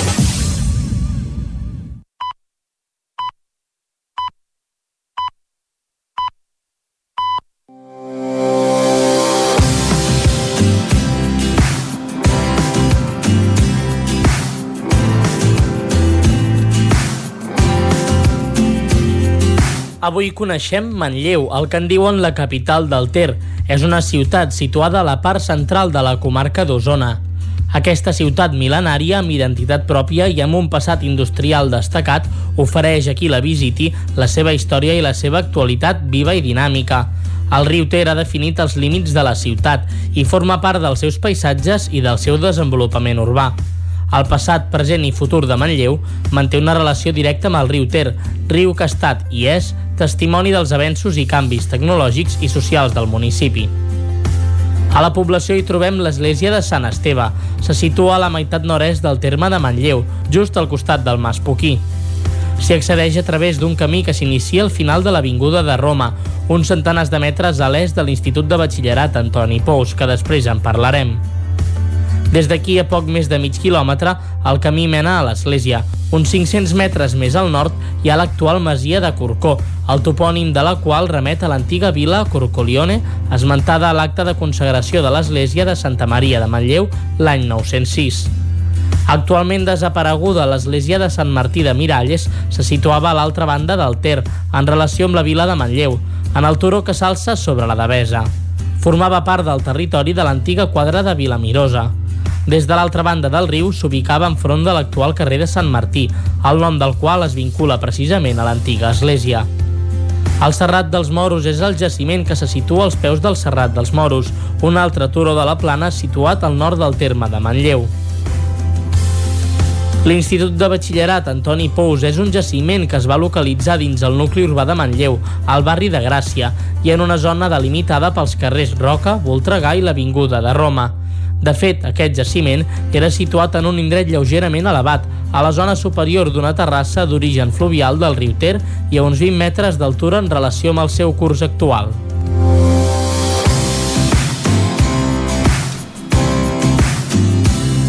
Territori 17 doncs avui que des de Territori 17 hem cantat les bondats de Manlleu, un bon lloc per anar a fer un passeig, sobretot a la vora del riu Ter, oi Vicenç? Oh, i tant, i sobretot aquesta època de l'any. Exacte, i tant que sí. I a més a més a Manlleu hi ha estació. Doncs sí, hi ha I... estació també. També Estació... allunyada del centre del, de la vila, però bé, eh, hi ha estació de tren, sí senyor. Doncs com que hi tenim estació, avui és més fàcil que mai anar cap a la Trenc d'Alba. Anem-hi? Anem-hi. Doncs vinga. A Trenc d'Alba, edició pandèmia. Ara sense els usuaris que ens explicaven les seves desgràcies a la R3, però amb els mateixos retards i problemes de sempre.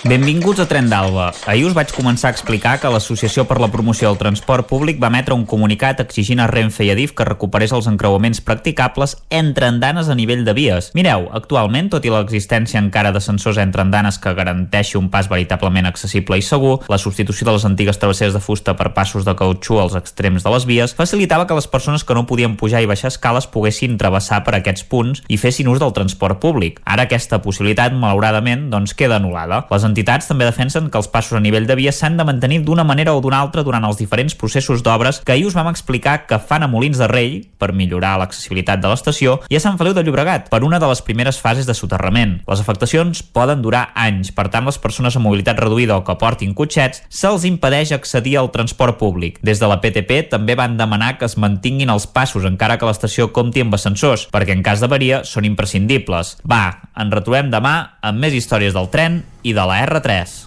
Territori 17. I després d'anar a Manlleu i d'anar amb tren, ens toca anar al teatre, a auditoris o de festa, sí? Anem-hi. Anem-hi. Doncs hi anem de la mà de l'agenda cultural que cada dimecres us oferim aquí a Territori 17 parlant de l'activitat que hi ha sobretot en teatres, auditoris, activitat de caire cultural per un cap de setmana a les portes de Setmana Santa que es presenta bé amb confinament ja no pas comarcal, per tant en teoria podem anar a gaudir de totes les activitats de les quals parlarem avui. I Vicenç aquest recorregut amb l'agenda cultural aquí a Territori 17 quan passen 5 minuts de dos quarts de 12 per on l'arrencarem avui? Doncs comencem aquest recorregut cultural on recordem que no hi ha confinament territorial com dèiem a nivell català però sí que n'hi ha d'horari s'ha d'acabar tots els actes eh, sí, doncs, a les 10 cap a casa. A les 10, sí. a les 10 cap a casa i si passen de les 10 doncs anar amb l'entrada a la mà perquè és el salt conduït que et permet tornar del centre cultural on s'hagi dut a terme aquesta activitat fins a casa teva. El que fem és començar aquest repàs des de Cardedeu, allà ens espera l'Òscar Muñoz. Bon dia, Òscar. Bon dia. Òscar, explica'ns quines activitats culturals tenim pels propers dies. Doncs sí, comencem dissabte a Cardedeu a dos quarts de deu al mhm. Teatre Auditori de Cardedeu tenim l'obra de, de teatre Engrunes, de la companyia RUM Teatre, que a partir de la història de Hansel i Gretel ens presentarà el tema del desarrelament a què es veuen abocats milers de persones a tot el món, persones que han hagut de, de deixar casa seva i marxar lluny. Uh mhm. -huh. Després d'aquesta obra doncs, ens faran un petit col·loqui per funció amb un representant de la cursa solidària de Cardedeu, un representant de, de la companyia Engrunes i un representant de Stop Mare Mortum. Uh -huh. Aquesta obra de teatre doncs, això, té un cost de 7 euros. I ara de Cardedeu ens anem a Granollers, on divendres a les 6 de la tarda al Teatre Auditori de Granollers, dins el cicle Carles Ribes, ens presentaran la viola, l'instrument la viola, tot descobrint la sonata per viola i piano del Robert Gerhardt, que és un compositor català del segle eh, 20 que va viure exiliat a Anglaterra i, i, i en aquest exili doncs, va escriure aquesta sonata per viola i piano Robert que, Gerard, eh? eh gran, gran mite de la música catalana, i tant que sí. Exacte. I eh, això. I ara en Miquel Vilalba doncs, ha recuperat aquesta partitura original i gràcies a ella doncs, podem conèixer de prop un gran instrument com és la viola. Uh -huh. Per aquest espectacle hi haurà entrada gratuïta, però s'ha de fer una inscripció prèvia al, a la pàgina web del Teatre Auditori de Granollers. Molt bé, perquè clar, evidentment s'ha de controlar l'aforament d'alguna manera o altra. Exacte, no es pot anar allà...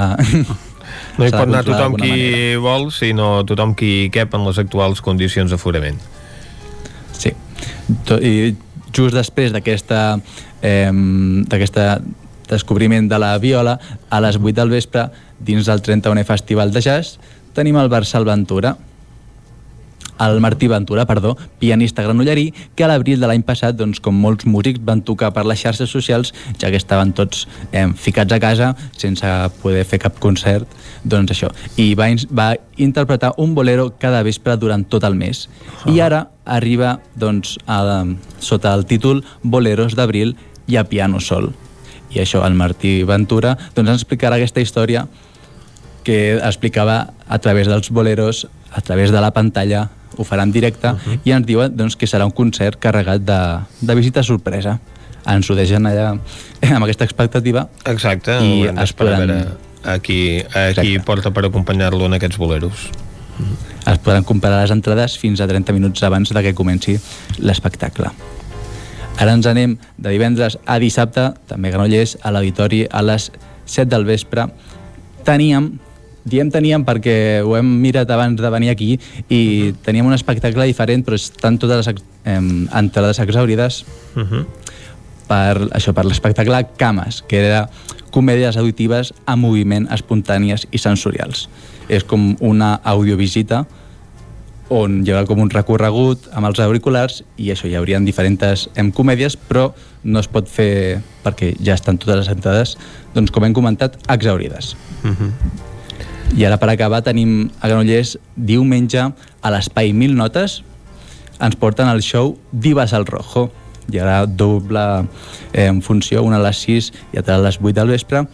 I en aquest espectacle ple d'humor, música, glamour i passió coneixerem a tres genuïnes divas en estat pur que cadascuna té la seva personalitat, identitat i història, però que sempre tenen una cosa molt clara, que és que viuen la vida sense pors i sense prejudicis. Mm. Això serà a l'Espai Mil Notes, que és està al carrer Joan Pere Fontanella, perquè no és un espai molt conegut, però això és un espai on la gent va crear i aprendre a... d'aquest món, de mm. l'espectacle. Molt bé, sempre I per acabar, Llinàs, uh mm-hmm. -huh. recordem les dues funcions de la passió que, com diuen, és una passió de supervivència, ja que no es pot representar com ho fan sempre a causa doncs, d'aquestes doncs, directius anticovid. Però l'important és mantenir aquesta tradició. Ah, exacte. Moltes gràcies, Òscar. I fins aquí estaria el repàs. D'acord. Doncs gràcies, Òscar. Nosaltres ara anem eh, cap a una codinenca. Allà ens espera la Caral Campàs. Caral, bon dia. Bon dia. Explica'ns quines activitats eh, culturals trobarem eh, per aquesta zona els propers dies. Mira, us porto una proposta cinematogràfica, una uh mhm. -huh. proposta literària infantil i una proposta teatral. Per on voleu que comenci? Home, doncs eh, comencem per la literatura, no?, que és com solem fer. D'acord, doncs mireu, aquest dijous a les 6 de la tarda eh, tindrà lloc a la sala d'actes de la Biblioteca de Caldes eh, una nova edició de l'Hora del Conte amb Badallibres. És una activitat presentada i conduïda per Mercè Martínez d'un conte al sac on es barrejarà doncs, la narració i la música en una sessió, mm, com comentava, infantil pels més petits i l'edat recomanada és a partir de, de 4 anys. Això serà aquest dijous a la Biblioteca de Caldes a les 6 de la tarda i ha places limitades amb inscripció. Uh mhm. -huh. I us parlo ara de la proposta cinematogràfica i per això anem cap a Vigues i Riells, al Teatre Auditori Polivalent, concretament.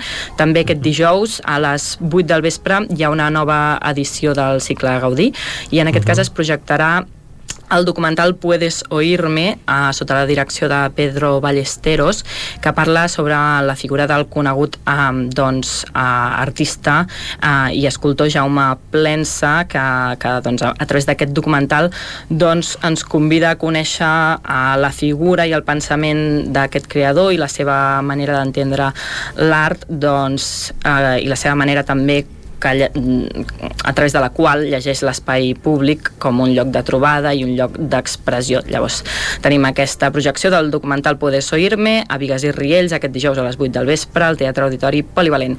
I acabo amb la proposta teatral i és que al Teatre Dolor eh, hi ha un monòleg eh, que porta per nom Aicony, dirigit per Gabriel Córdoba i eh, el qual la protagonista doncs, d'aquest doncs, monòleg sobre amor i també a través de l'humor.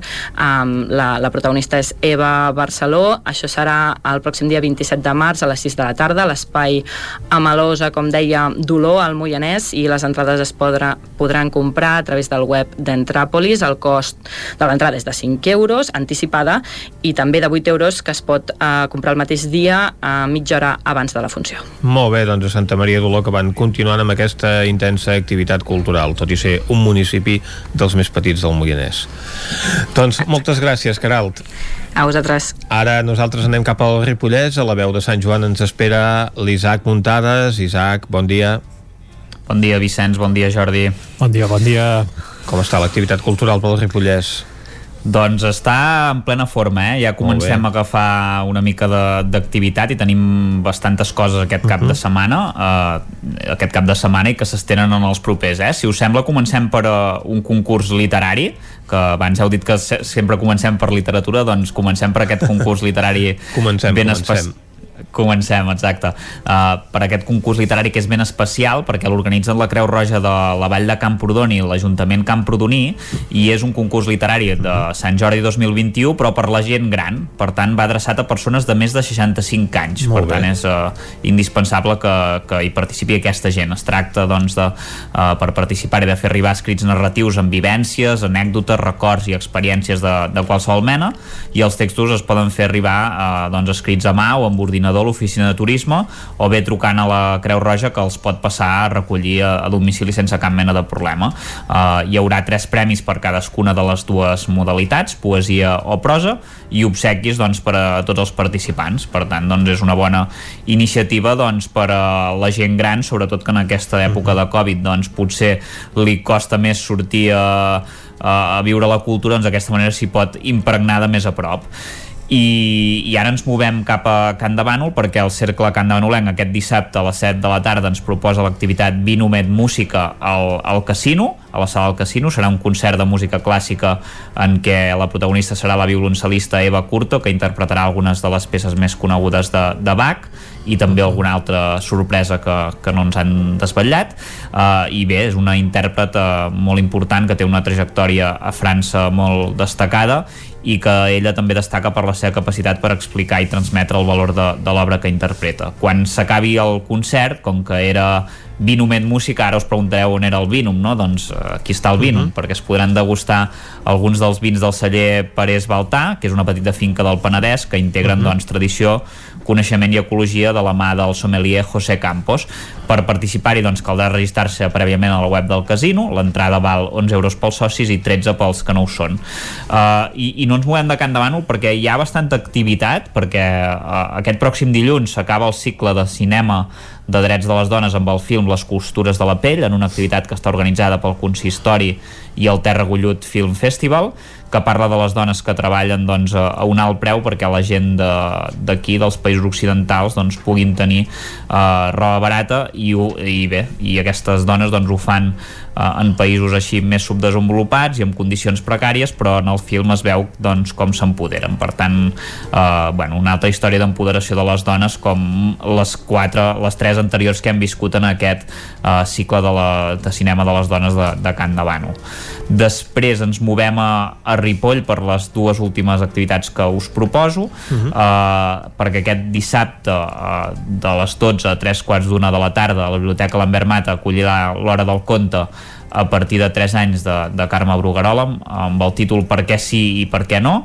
Uh, cal inscripció prèvia per participar-hi. Uh -huh. i, i l'altra activitat abans de parlar-vos d'una un, altra, altra cosa del Museu Etnogràfic és que la cantautora ripollesa Marina Prat farà un concert al Mercat de les 40 hores de, de Ripoll d'aquest cap de setmana a les 12 del migdia a la plaça Abat Oliva i finalment ara sí, a partir d'aquest uh, mes de març el Museu Etnogràfic de Ripoll posarà a disposició del públic una visita virtual en tres dimensions a la seva exposició permanent, que s'hi podrà accedir doncs, a través de la pàgina web, que ha estat una iniciativa doncs, sorgida de les dificultats, evidentment, que ha comportat la pandèmia i el fet de no poder-se desplaçar doncs que millor que portar el museu a casa de, de les persones en comptes de que les persones hagin, hagin d'anar-hi físicament en el cas de que es trobin eh, lluny i, i bé, va, han apostat per aquesta uh, aposta virtual Uh, i precisament cal recordar que demà passat, o sigui aquest divendres es compliran 10 anys de la reobertura de la nova seu del museu i s'aprofitarà doncs, aquesta efemèride per inaugurar la visita virtual, que és una manera interactiva i amena doncs, de veure aquest espai movent només el, el ratolí mitjançant la creació de, de fotografies panoràmiques que permeten observar doncs, en 360 graus el, el museu. A més a més, pròximament el museu també disposarà de la visita virtual pedagògica adaptada a diferents nivells escolars de primària i secundària en la qual doncs, es proposaran un seguit d'activitats que els alumnes podran fer des de l'aula tot descobrint uh, el museu i sense doncs, això que comentàvem, eh, la necessitat de, de desplaçar-se. D'acord, doncs eh, moltes gràcies Isaac. A vosaltres. Ara nosaltres el que fem és repassar eh, quins són els actes més destacats en matèria cultural a la comarca d'Osona amb en Jordi Vilarrodà. Hola, bon molt bon dia, molt bon dia. Doncs a veure, començarem per activitats que tenen molt a veure amb les dates en què estem. Uh -huh. uh, concretament amb el Festival de Música Religiosa de Vic, que aquest any arriba a la 17a edició, de fet és Festival BBVA, pel patrocinador uh -huh. de música religiosa, l'any passat eh, es va haver d'ajornar evidentment en aquestes dates es va traslladar després a la tardor i no es van poder completar tots els concerts perquè després va venir el tancament aquell de la tardor uh -huh. i aquest any se suposa doncs, que si no hi ha un talta baix molt gros es podrà fer amb el format habitual i amb les dates habituals és a dir, ara per Setmana Santa de fet aquest festival comença eh, avui mateix, comença aquest dimecres que hi ha una uh -huh. conferència del musicòleg Jaume Iats de Vic eh, sobre l'Estabat Mater Mater, aquesta peça doncs, que, que de fet expressa una cosa tan universal com és el dolor d'una mare. Uh -huh. uh, això és los... Mater, dolorosa, juxte, justa, justa cruixem lacrimosa d'un pendebat filius. Eh? Ah, exacte, I, sí senyor, sí senyor, sí senyor. Ai. Doncs, doncs això en serà avui... a punt de recitar-nos-la tota. Oh. Si voleu us la canto. la pot cantar, la pot cantar, segur que la pot cantar tota. A l'Escorial a les 7 de la tarda, de fet, competint amb l'acte de Quim Torra de presentació del llibre, per tant, doncs, eh, o música o política, en aquest cas. Demà hi ha el primer concert, demà hi ha el primer concert que és a l'església de Sant Domènec a dos quarts de nou del vespre, que és amb el cor jove d'Amics de la Unió de Granollers, una formació uh -huh. amb un prestigi indiscutible, que presenta un concert que es diu Lux, que és un recorregut molt divers, que inclou uh -huh. fins i tot uh, gospel, uh, música espiritual com una, la missa Kènia, que és, que és una missa de gospel. Això serà al Sant Domènec, els estem sentint ara, el cor jove d'Amics de la Unió.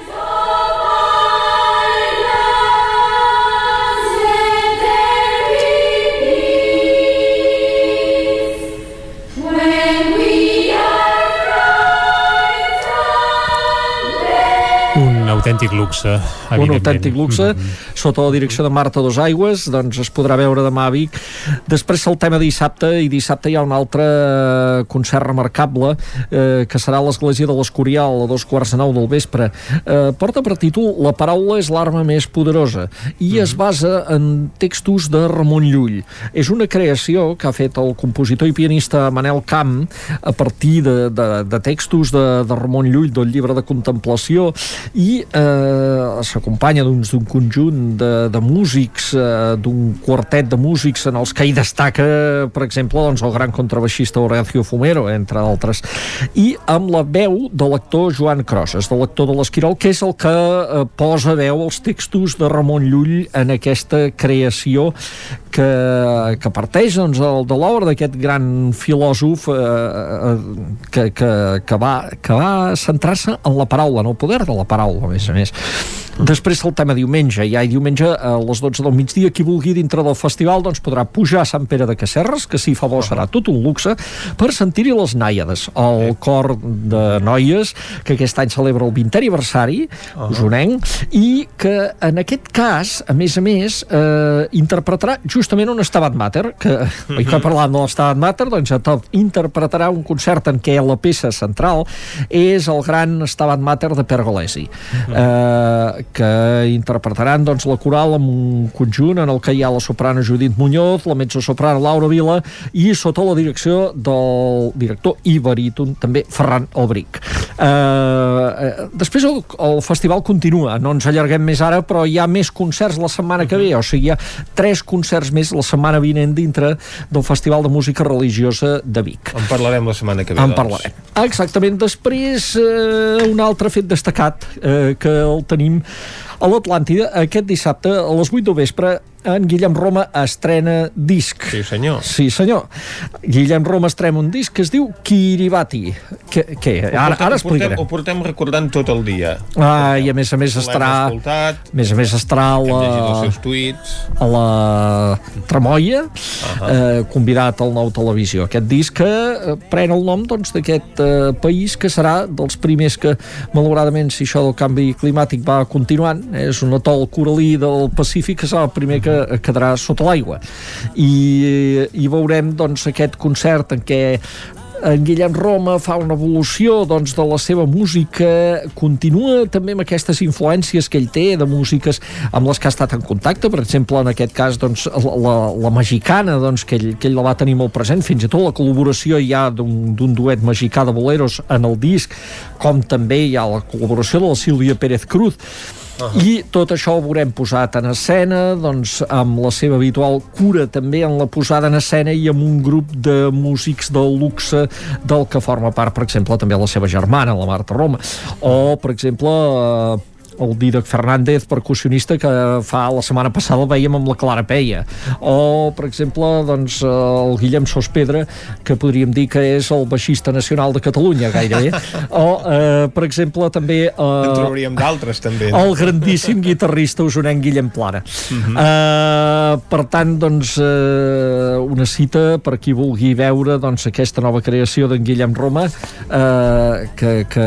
segueix en la seva línia però fa un pas més doncs, um, i, i això sí, sempre aquest, aquesta cosa de, de, de, de bon rotllo que dona en Guillem ah, Roma això sí, és d'energia, d'optimisme de, de... Mm -hmm. jo crec que ens convé molt ara un concert i un disc d'en Guillem Roma en aquests moments que estem, perquè sempre surt dels seus concerts amb, amb un esperit com més positiu, sí, sí. Uh, almenys a mi em passa això, almenys a mi em passa s'encomana efectivament s'encomana uh, anem a teatre que en tenim menys aquesta setmana però en, ten en tenim un de destacat que uh -huh. és uh, de fet teatre i música també, però, però molta part teatral eh, que és un espectacle que es diu Ocaña, reina de les Rambles, que es podrà veure al Sirvianum dissabte a les 8 del vespre. Uh -huh. eh, aquest espectacle que va, que va tenir premis, remuntem al 2019, però va ser Premi de la Crítica, Premis de Teatre, Premis Teatre Barcelona, el millor espectacle, el millor actor, etc etc.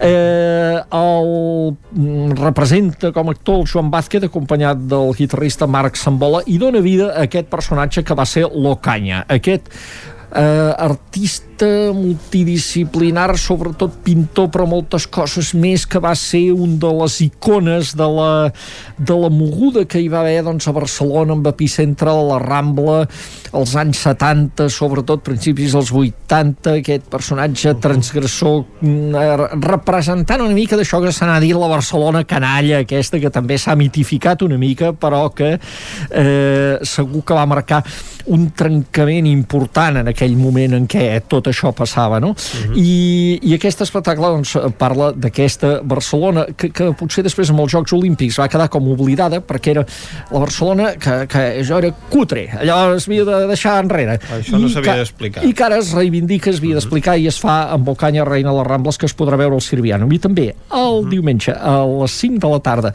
a la sala de la Canal de Tona un espectacle que es diu Valentina Quàntica. És un espectacle familiar de la companyia d'Anna Roca i està molt bé perquè reivindica el paper de les dones en la ciència a través d'un espectacle familiar. Aquí el nom de Valentina Quàntica, aquí ja podem deduir per on va la cosa. Hi ha poques dones en la ciència, i està bé que també doncs, que des de petits es vagi visualitzant aquesta presència de les dones en la ciència. Tot això són coses que tenim aquest cap de setmana. Però també, i encara que aquí sempre parlem molt dels espectacles d'arts escèniques, Uh -huh. Bé, voldríem remarcar un fet important que, que, que passa eh, el, el, concretament el divendres a les 7 de la tarda s'obre a la sala d'exposicions al Casino de Vic una exposició que commemora els 25 anys d'exposicions d'art al Casino de Vic. Uh -huh. Fa 25 anys el casino va decidir convertir un passadís llarg adequant-lo bé, il·luminant-lo uh -huh. bé, posant-hi plafons a les parets, blancs, etc, en un espai d'exposicions que uh -huh. va encarregar de dir el comissariat en aquell moment a la crítica d'art Anna Palomo. Eh, I en aquest espai, durant 25 anys, hi han anat passant molts artistes, hi han passat moltes coses, hi ha hagut molta gent d'Osona que ha exposat aquí, s'ha donat espai des de gent consagrada, com pot ser doncs, un Joan Forriols, eh, fins a gent jove que ha començat aquí a la seva trajectòria d'exposicions. Eh, ha estat un espai versàtil, eh, petit però molt cuidat, en què cada exposició ha tingut un per què, ha tingut una presentació curadíssima, i tot això doncs, es, es commemora amb una exposició que eh, recull obres de diferents artistes que durant aquests 25 anys han passat pel Casino de Vic. Ara actualment el comissari d'aquestes exposicions és l'Ernest Cruzats. Mm. Eh, L'exposició es diu Sobre blanc tot funciona perquè les parets, els plafons d'aquest espai d'exposicions són blancs. Uh mhm. -huh. Homenatge també a l'aparellador interiorista Jaume Cabeza, que va morir ara fa dos anys. És un homenatge pòstum a ell i fa doncs, aquest recull en què hi podrem veure obres de molts d'aquests artistes que han estat passant durant 25 anys per aquest espai. Uh mhm. -huh. Això es podrà veure fins al dia 30 de maig i aquest divendres no es pot dir inauguració. Ara es diu que les exposicions queden obertes a partir d'aquesta hora. Tothom entén doncs... que aquesta hora, que és les 7 de la tarda, és l'hora de la inauguració, però com que no es pot dir, eh, queden obertes. Doncs nosaltres no ho diem i ho deixem aquí, perquè és hora de posar punt i final al territori 17 d'avui. Un territori 17 que hem fet Clàudia Dinarès, Caral Campàs, David Auladell, Isaac Muntades, Pepa Costa, Natàlia Peix, Eloi Puigferrer, Dolors Altarriba, Jordi Givert, Òscar Muñoz, Jordi Vilarrodà, Jordi Sunyer i Vicenç Vigues. Nosaltres tornarem demà, com sempre, des de les 9 del matí i fins a les 12 del migdia. Adeu. Siau. Territori 17 un magazín del nou FM. La veu de Sant Joan. Ona Codinenca i Ràdio Cardedeu amb el suport de la xarxa. El nou FM